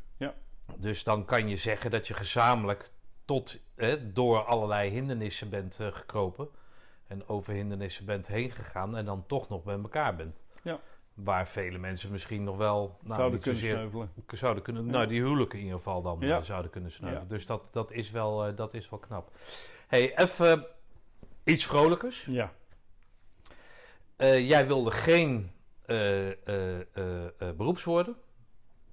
Maar jij hebt wel daar een beetje een gekke tik aan overgehouden. Uh, uit die diensttijd, als ik het zo mag noemen. Je keek eerst heel dreigend, maar je begint nu gelukkig te lachen. Want waar doe ik op? Ja, zoals mijn kinderen en mijn vrouw zeggen, je hebt groen bloed door je aderen stromen. Ehm, ik, ik, ik ben heel erg gevormd door de militaire dienst, maar ik ben ook heel erg gek van wat er gebeurt in de militaire dienst. Ik verzamel uh, medailles, ik verzamel beretemblemen, ik verzamel coins. En ik ga vier of vijf keer per jaar in het groene bos in en doe bivakken met mijn zoons en de vrienden van mijn zoons. Dus ik heb een aardige groene saus over me heen gekregen. Uh, ik ben natuurlijk acht jaar uh, hoofdredacteur geweest van de Groene Beret. Ik kwam vier keer per jaar op de Roosendaal op de kazerne. Nou, daar heb ik een flinke, flinke groene tik van meegekregen. Ehm, Kwam dat uit dat grafische dat je daar hoofdredacteur van werd? Ja, ja de, ik had mijn eigen drukkerij en ik had altijd de vurige wens om het blad te mogen drukken. Oh, oké. Oh, dat is natuurlijk een mooie combi. En ja, nou ja, ik, het was niet zo dat toen ik hoofdredacteur werd, ik ook de drukker werd. Uh, want ik ben eerst drukker geworden en toen de hoofdredacteur. Uh, maar bijvoorbeeld het boek, uh, het fotoboek van 2007 van Peter Blok over het Korps Commandotroepen, ik weet niet of je dat kent, die heb ik ook uh, mogen drukken in mijn eigen drukkerij. Ehm, ja, dus in die periode was dat een ongelofelijke beloning. En het blad drukken, en het boek drukken, en ook nog hoofdredacteur worden. Ja, toen was de groene saus compleet. Oké, maar even over, dat, over dat, die groene bret zelf, het, het, het magazine, zeg maar. Ja. Heb je daar dan met jouw uh, commando hart, maar ook je, zeker je, je drukkershart, of weet ik veel hoe je dat wil doen, heb je daar, is daar echt een hele restyling gekomen toen de tijd? Ja, ja, ja. je moet je voorstellen dat, uh, ik weet niet of je het kan herinneren, maar in 2006 heeft de, de, de Defensie besloten dat, specifiek binnen het Korps Commandotroepen, maar wellicht ook bij andere situaties, de beroeps niet bezig moesten zijn met iets niet Ah, okay. En Jack Bakker was hoofdredacteur van uh, de Groene Bret. Ja. Uh, en had uh, bij wervingsselecties zijn staf en produceerde het blad vier keer per jaar. Dat was onderdeel van zijn taak. Maar er was meer behoefte om zeg maar, taken van het korps te doen dan dit. En ja. toen hebben ze in de Groene Bret een oproep gedaan aan oud-commando's om een redactie op te zetten. Nou, daar had ik me voor aangemeld. maar wel specifiek ook voor de functie hoofdredacteur. Want ik wilde wel graag dan de sturing en de leiding hebben. Ja. Zoals ik in die periode in elkaar zat. In elkaar zat. ja, elkaar, ja. ja. maar laat ik het zelf maar zeggen. Hij wordt nu anders gestuurd door een ander fenomeen, maar ja. Dus ja, ja uh, uh, er waren een aantal mensen, uh, waaronder ook Sarah Euselman toen en, en Ben van der Klei en, en Rob Broekenhuizen, die zich hadden aangemeld. En met die groep hebben we toen een redactie gevormd. Um, en eh, we hebben eerst één blad meegelopen met Jack Bakker. En vervolgens uh, zijn we diep ingegaan. Uh, en ja, je hebt niks. Uh, geen contacten, nul, nul. Ehm, en, en daarvoor kwam natuurlijk heel veel informatie uit het korps in het blad. Ja, dat kan me voorstellen. En toen kwamen wij, maar we hadden niet die informatie uit het korps. Dus wij moesten het vullen met informatie van oud-commando's waar ook officieel het blad voor is, in grote vorm. Dus uh, ja, uh, verenigingen, uh, commandoverenigingen gingen we benaderen. Eh, we gingen oud-commando's benaderen. en op die manier gingen we het blad proberen vorm te geven. Maar we hielden een hele sterke binding ook met werving en selectie. Want als het ging om internationale oefeningen of foto's van acties, ja, die kwamen bij werving en selectie vandaan. Hm bureau van communicatie die daar zat. En uh, dat is een hele intensieve periode geweest. In het begin heel intensief, want uh, de structuur moest opgezet worden. Er waren uh, vijf, zes oud-commando's over het hele land verspreid. Nou ja, je vergaderde vier keer per jaar op de kazerne. Nou, maar dat was wel lang na niet genoeg. Dus we vergaderden ook hier bij mij thuis. Ehm, en ik zette een digitale structuur op waarbij we een bestandsstructuur hadden. Uh, artikelen kwamen binnen in vak A. Daar werden ze beoordeeld of ze interessant genoeg waren. En dan gingen ze naar B. Daar werden ze gelezen door uh, taaltechnische lezers en wetenswaardigheden. En dan gingen ze naar vak C en daar waren ze klaar voor opmaak. En vanuit opmaak werd het blad samengesteld. En in elk vak kon er iets afvallen of veranderd worden. En uiteindelijk heeft die structuur zodanig gewerkt dat het maar goed, ik had natuurlijk een, een goede grafische achtergrond. Dus ik kon vrij snel aan de artikelen zien of ik een blad vol had of niet. Ehm, ik ben toen begonnen ook met het plaatsen van advertenties in het blad. Om uh, meer uh, inkomsten te krijgen, enerzijds. Maar ook uh, om bedrijven, oud-commanders van bedrijven aan te trekken in het blad. Dat is niet helemaal gelukt, want het is best lastig om zeg maar, te werven. Zeker als het ook geld kost. Uh, maar we hebben wel succesvol een aantal advertenties gehad. Uiteindelijk is er één overeind gebleven. Dat is de advertentie op de achterzijde van de, van de wervingsselectie. Waar het personeel werd gezocht. We hebben het blad gerestyled. In, in, qua layout. Uh, en geprofessionaliseerd. Niet dat het daarvoor niet professioneel was. Maar laten we zeggen meer gestyled naar iets wat in de burgermaatschappij is dan puur een militair blaadje. Um, maar ja, goed, ik wil je niet. Maar jij, jij had verstand van bladen maken natuurlijk. Ja. Toch? Dus dan is, dan, dan is dat, is makkelijk. Is het makkelijk? Ja. Je weet in ieder geval wat, wat er speelt op de markt. Wat er nieuw is, wat er kan, wat er binnen het budget past. Ja. Dat, dat soort zaken. Ja, dat klopt. Ja. dat maakt het makkelijker. Ja, dat maakt het makkelijker. En, eh, en ik, nou ja, goed, ik, ik had uh, een organisatie die ik leidde. Dus ik leidde ook de redactie in. Nee, dat snap ik. Ja, dat, dat ging, ook makkelijk. Ja. Het, het, waren ook oud-commando's, dus we begrepen elkaar ook. Ja. ja, dat was een hele succesvolle periode. Hm. Echt een succesvolle periode. Ik heb toen met genot contacten gehad met oud-commando's, echt oud-commando's. Uh, met verenigingen, uh, maar ook met de kazerne, met de, met de, de, de toenmalige commandanten. Eerst Kees Vollaert en later Jan Swillens Rob Querido, om, om ja, verhalen te horen, informatie te krijgen. Hmm. Het, het, korps ging toen wel langzaam al wat dichter natuurlijk, want ja, het werd steeds geheimzinniger. Uh, en uiteindelijk heeft het ertoe geleid dat we nu een blaadje krijgen met een witte omslag. Ik vind het nog steeds jammer, maar Allah, het is uh, wat het is. Ja, want wat, wat is daar jammer aan dan? Nou ja, als je in de post krijgt, dan zit er een wit velletje omheen. Ja, dat schijnt uh, geheim te zijn, toch? Of zo, ja, weet ik wat. Ja, ja, ja, Maar ja, je kan gewoon op Marktplaats uh, kun je bladen kopen. Dus ik denk altijd van, ja, hoe, hoe, hoe geheim moet geheim zijn?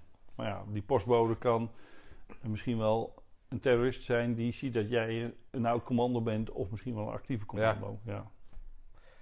ja. je hebt van die lui hebt de hele dag een bret op, dus uh, daar zit het sowieso. Dank u wel, postbode. Ja, ja, precies.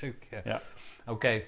Daarnaast heb je uh, uh, naast dat, hè, die saus die je er dan zelf een soort over hebt gebracht, heb je ook nog dat. Nou, daar doelde ik namelijk op. Hè, die bifax. Ja. Die ja. je in eerste instantie met je vader bent gaan doen. Ja.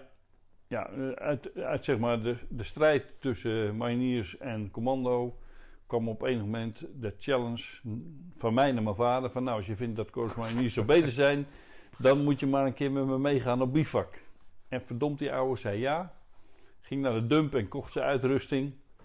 En uh, op een vrijdagavond, vrijdagavond, ja, vrijdagnamiddag vertrokken we vanuit uh, Lage Vuurse richting, uh, richting ongeveer Doren, waar de marinierskazerne zit. met een rugzak met nou ja, slaapgelegenheid en eten. de bedoeling was dat we twee nachten weg zouden blijven en gewoon in het bos zouden slapen. Maar bij Soest had hij al een blaar die zo groot was als een, uh, als een knaak. En die oude liep echt stug door. En dat is wel een leuke anekdote. We komen bij uh, vliegbaas Soesterberg. En de, de wacht staat daar, twee man. En wij komen aan met de rugzak. En wij maken een praatje met de wacht. goh, je zijn nog laat op pad. En oude, oude sergeant tegen mijn vader. En die begon natuurlijk te smilen. nou zit die ene wacht, wil je wel een kop koffie drinken? Nou, zei mijn vader, daar hebben we wel zin in. Het was nog een uur of tien s'avonds. Dus we gingen het wachthokje in. En op dat moment komt er een auto aan. En die ene wacht loopt naar buiten toe om de poort open te doen. En die andere wacht gaat naar achter om koffie te zetten. En er lagen gewoon twee uh, valsen op tafel. En we keken elkaar aan zo van, nou, dat zou bij ons korps nooit gebeuren. Geweldig moment. ja. Maar het was een bijzondere ervaring. Uh, we hebben twee nachten samen gedeeld. En, uh, en, en ook heel veel goede gesprek gehad. Uh, niet emotioneel diepgaand, maar zakelijk, eh, rationeel, want zo zaten we toen in elkaar. Dat heeft ertoe geleid dat ik daarna nog twee keer op bivak ben geweest met mijn vader en mijn broers. En een vriend van mijn vader. Echt hele, ja, hele leuke dingen. Daarna ben ik op bivak geweest met mijn maten, Frans en, en John. Met mijn buddies uit die allebei kaderlid. Een aantal keren.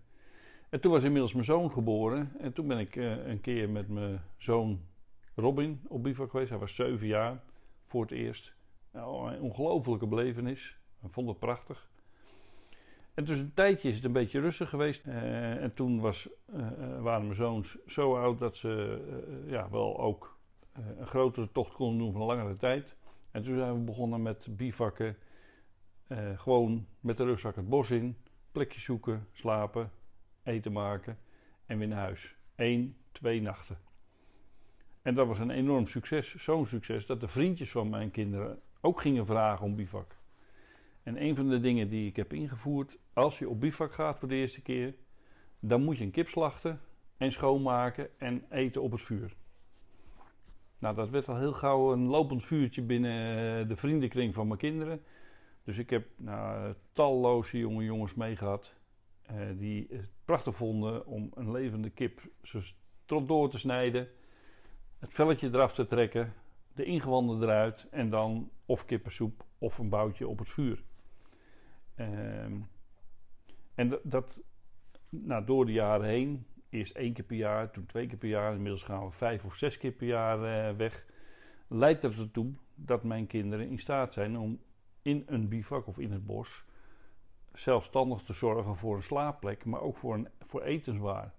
Of het nou rivierkreeften zijn, of een vis schoonmaken, uh, of brood bakken in een oventje, uh, of de maden uit een omgevallen boom, ze, he, of brandnetelsoep, of whatever je wil. Ze zijn in staat om, als er paniek zou zijn, een plek te vinden waar je terug kan trekken zonder dat je gezien kan worden en, en een periode kan overbrengen.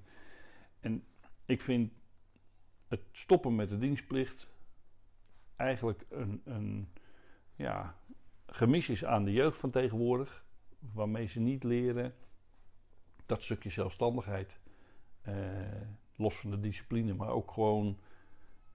Ga maar op een willekeurige plek in het bos liggen, leg je matje neer, rol een slaapzak uit en slaap een nachtje. Is echt een hele belevenis, want als het donker wordt hoor je van alles. Hm. Eh, en wat je niet realiseert is, niemand weet dat je daar ligt. Dus er komt ook niemand nee. naar je toe. Als je maar stil genoeg bent. Ja. Maar wat je hoort allemaal, ja, dat maakt je als mens best wat ongerust als je er niet gewend bent. Hm. Nou, dat doen we nu uh, vijf, zes keer per jaar. En uh, een aantal jaren geleden zeiden ze, we willen ook wel een keer een winterbivak. Dus wat extremer. En toen zijn we naar uh, Zuid-Duitsland gereden, in het Zwarte Woud. En daar hebben we nu drie keer een winterbivak gehad, waarbij je echt 70 centimeter sneeuw hebt, je tentje opzet. En dan s'nachts min 10, min 14. Dus als je dan en dat is wel de echte shit dan. Als je dan s'morgens wakker wordt, dan moet je eerst je water ontdooien of je straaltje eh, van het plas afbreken. ja. Oh, wat leuk. En wat, wat, wat ja, het, het, fascineert mij toch dat kerels zoals jij, die kom ik wel vaker tegen, maar dat die dan geen beroep zijn geworden. Dat, had, dat heeft te maken met geld, hè? Wat jou betreft dan? Maar er is dus toch altijd, hè, ook met die fascinatie met die coins, en, en, en er, er, zit iets. Dat heeft niks met oorlog maken te maken, toch? Met, met soldaatjes spelen, oorlog te maken. Dat heeft daar niks mee te maken. Nee, helemaal niet. Nee, want ik verafschuw oorlog. Ja, dat maar is, wat, wat, leg dat eens nader. Wat, wat is wat, wat, wat belichaamt zo'n coin voor jou dan? Nou, ik denk dat. Uh, um, militair zijn of militaire dienst um, een hele vertrouwde uh, omstandigheid is. Je weet waar je aan toe bent, je weet wat je moet doen, je weet waarom je het moet doen en je wordt daarvoor beloond. Het zij met een medaille of met een coin. Um, dus dat is, dus dat is een, los van een oorlog wel een hele veilige omgeving. Uh, natuurlijk, uh, als, je, als je echt naar buiten op missie gaat, loop je risico's. Maar het zijn van een militair is, het is bekend. Uh, in de maatschappij word je ontslagen, wordt gereorganiseerd, gaat failliet. maar het defensie niet. Ehm, dus, dus dat is een aspect. Het andere aspect is, als je de kennis en de ervaring hebt, dan kun je dus gewoon los van welke omstandigheid zelf beslissen. Ik ga nu het bos in en ik slaap gewoon drie nachten en ik zorg voor mezelf. Ik ben niet afhankelijk van stroom, ik ben niet afhankelijk van een supermarkt, ik ben niet afhankelijk van internet. Ik ben gewoon mezelf en ik kan voor mezelf zorgen. Dus, dus je hebt onafhankelijkheid, je hebt geborgenheid en die combinatie, ja, die vind ik, die vind ik geweldig. Waar je niks hoeft, maar alles kan. En alles kan beheersen. Je bent volledig in controle. Ja. Ja, maar toch, toch staat dat dan wel weer haaks op hetgeen wat jij dan zakelijk hebt gedaan. Want dat, dat is verre van er is geen succes geborgenheid aan, uh, veiligheid. Uh, elke stap die je neemt, dat kan, kan de, een stap in een kuil zijn, zeg maar. Ja, ja, het gekke is dat, ik heb wel eens eerder gezegd, ik, ik moet nooit hopen dat het zijn gangetje wordt, dat het saai wordt, het leven. Ik heb wel uitdagingen nodig. En uh, bivak is zo vertrouwd dat het misschien wel een karakter heeft van saai. Maar de spanning dat je daar ligt en niet wil worden gevonden door de boswachter of door wie dan ook. Dat maakt het bijzonder. Dat maakt die spanning toch elke keer aanwezig. En zoek maar een nieuwe plek. Ga maar eens het bos in. Nou, eh, als je een bos loopt en je bent niet bekend, denk je, nou, hier kan je wel wegkruipen. Maar ga maar eens ergens liggen in de bosjes en wacht maar eens hoeveel mensen er langs lopen. Want in Nederland, het is net, uh, het is net New York. Allemaal rechte paden, kleine perceeltjes. Ja. Je kan niet wegkruipen. Heel moeilijk althans. Dus wij wijken veel uit naar Duitsland of naar België. Oké. Ja. Hey, uh, hoe, uh, je geeft aan dat je, dat je uh, niet stil kan zitten. Dat, dat die geraniums die zijn niet aan jou besteed. Dus in ieder geval, je zal ze nooit aanschaffen. Of je schaft ze juist wel aan om jezelf wat duidelijk te maken dat je daar niet achter moet zitten. Hoe, uh, hoe zie je na, na zo'n zo'n zo'n ja, onstuimig leven, zeg maar? Dat, hoe, hoe, hoe, hoe, hoe zie je toekomst dan? of wat zie jij als toekomst, laat ik het zo zeggen? Met zoveel hindernissen die er nog liggen, zeg maar. Dus met Kevin, weet je wel, dat, dat, dat is natuurlijk niet, daar zit geen einde aan. Nee.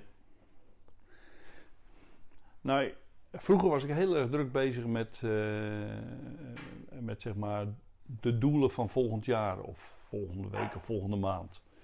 Uh, inmiddels ben ik 64 en heb ik heel wat meegemaakt.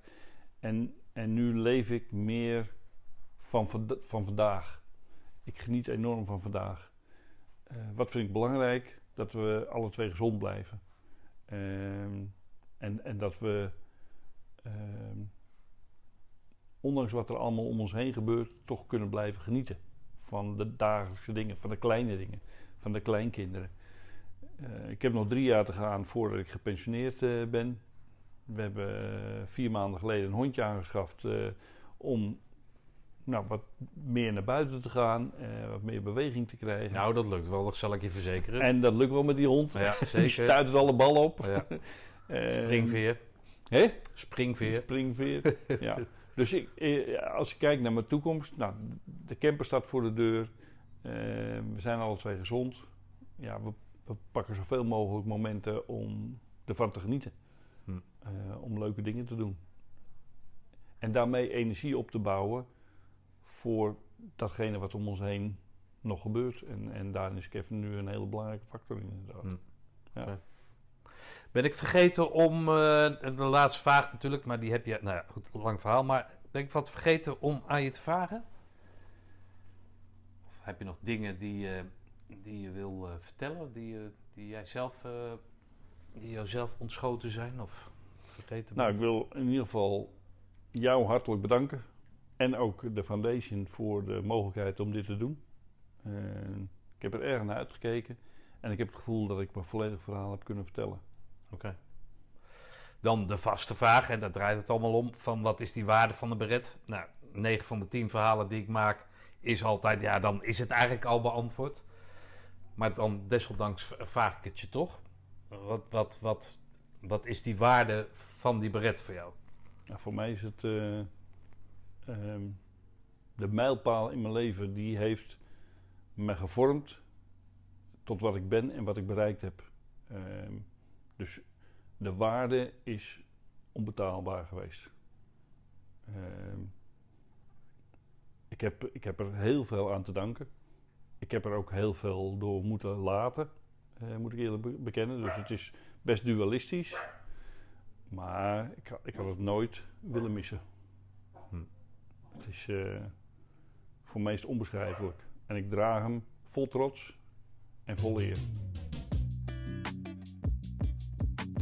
Robert, ik bewonder jullie. Dank voor je eerlijke verhaal. Noem koud, noem kwam.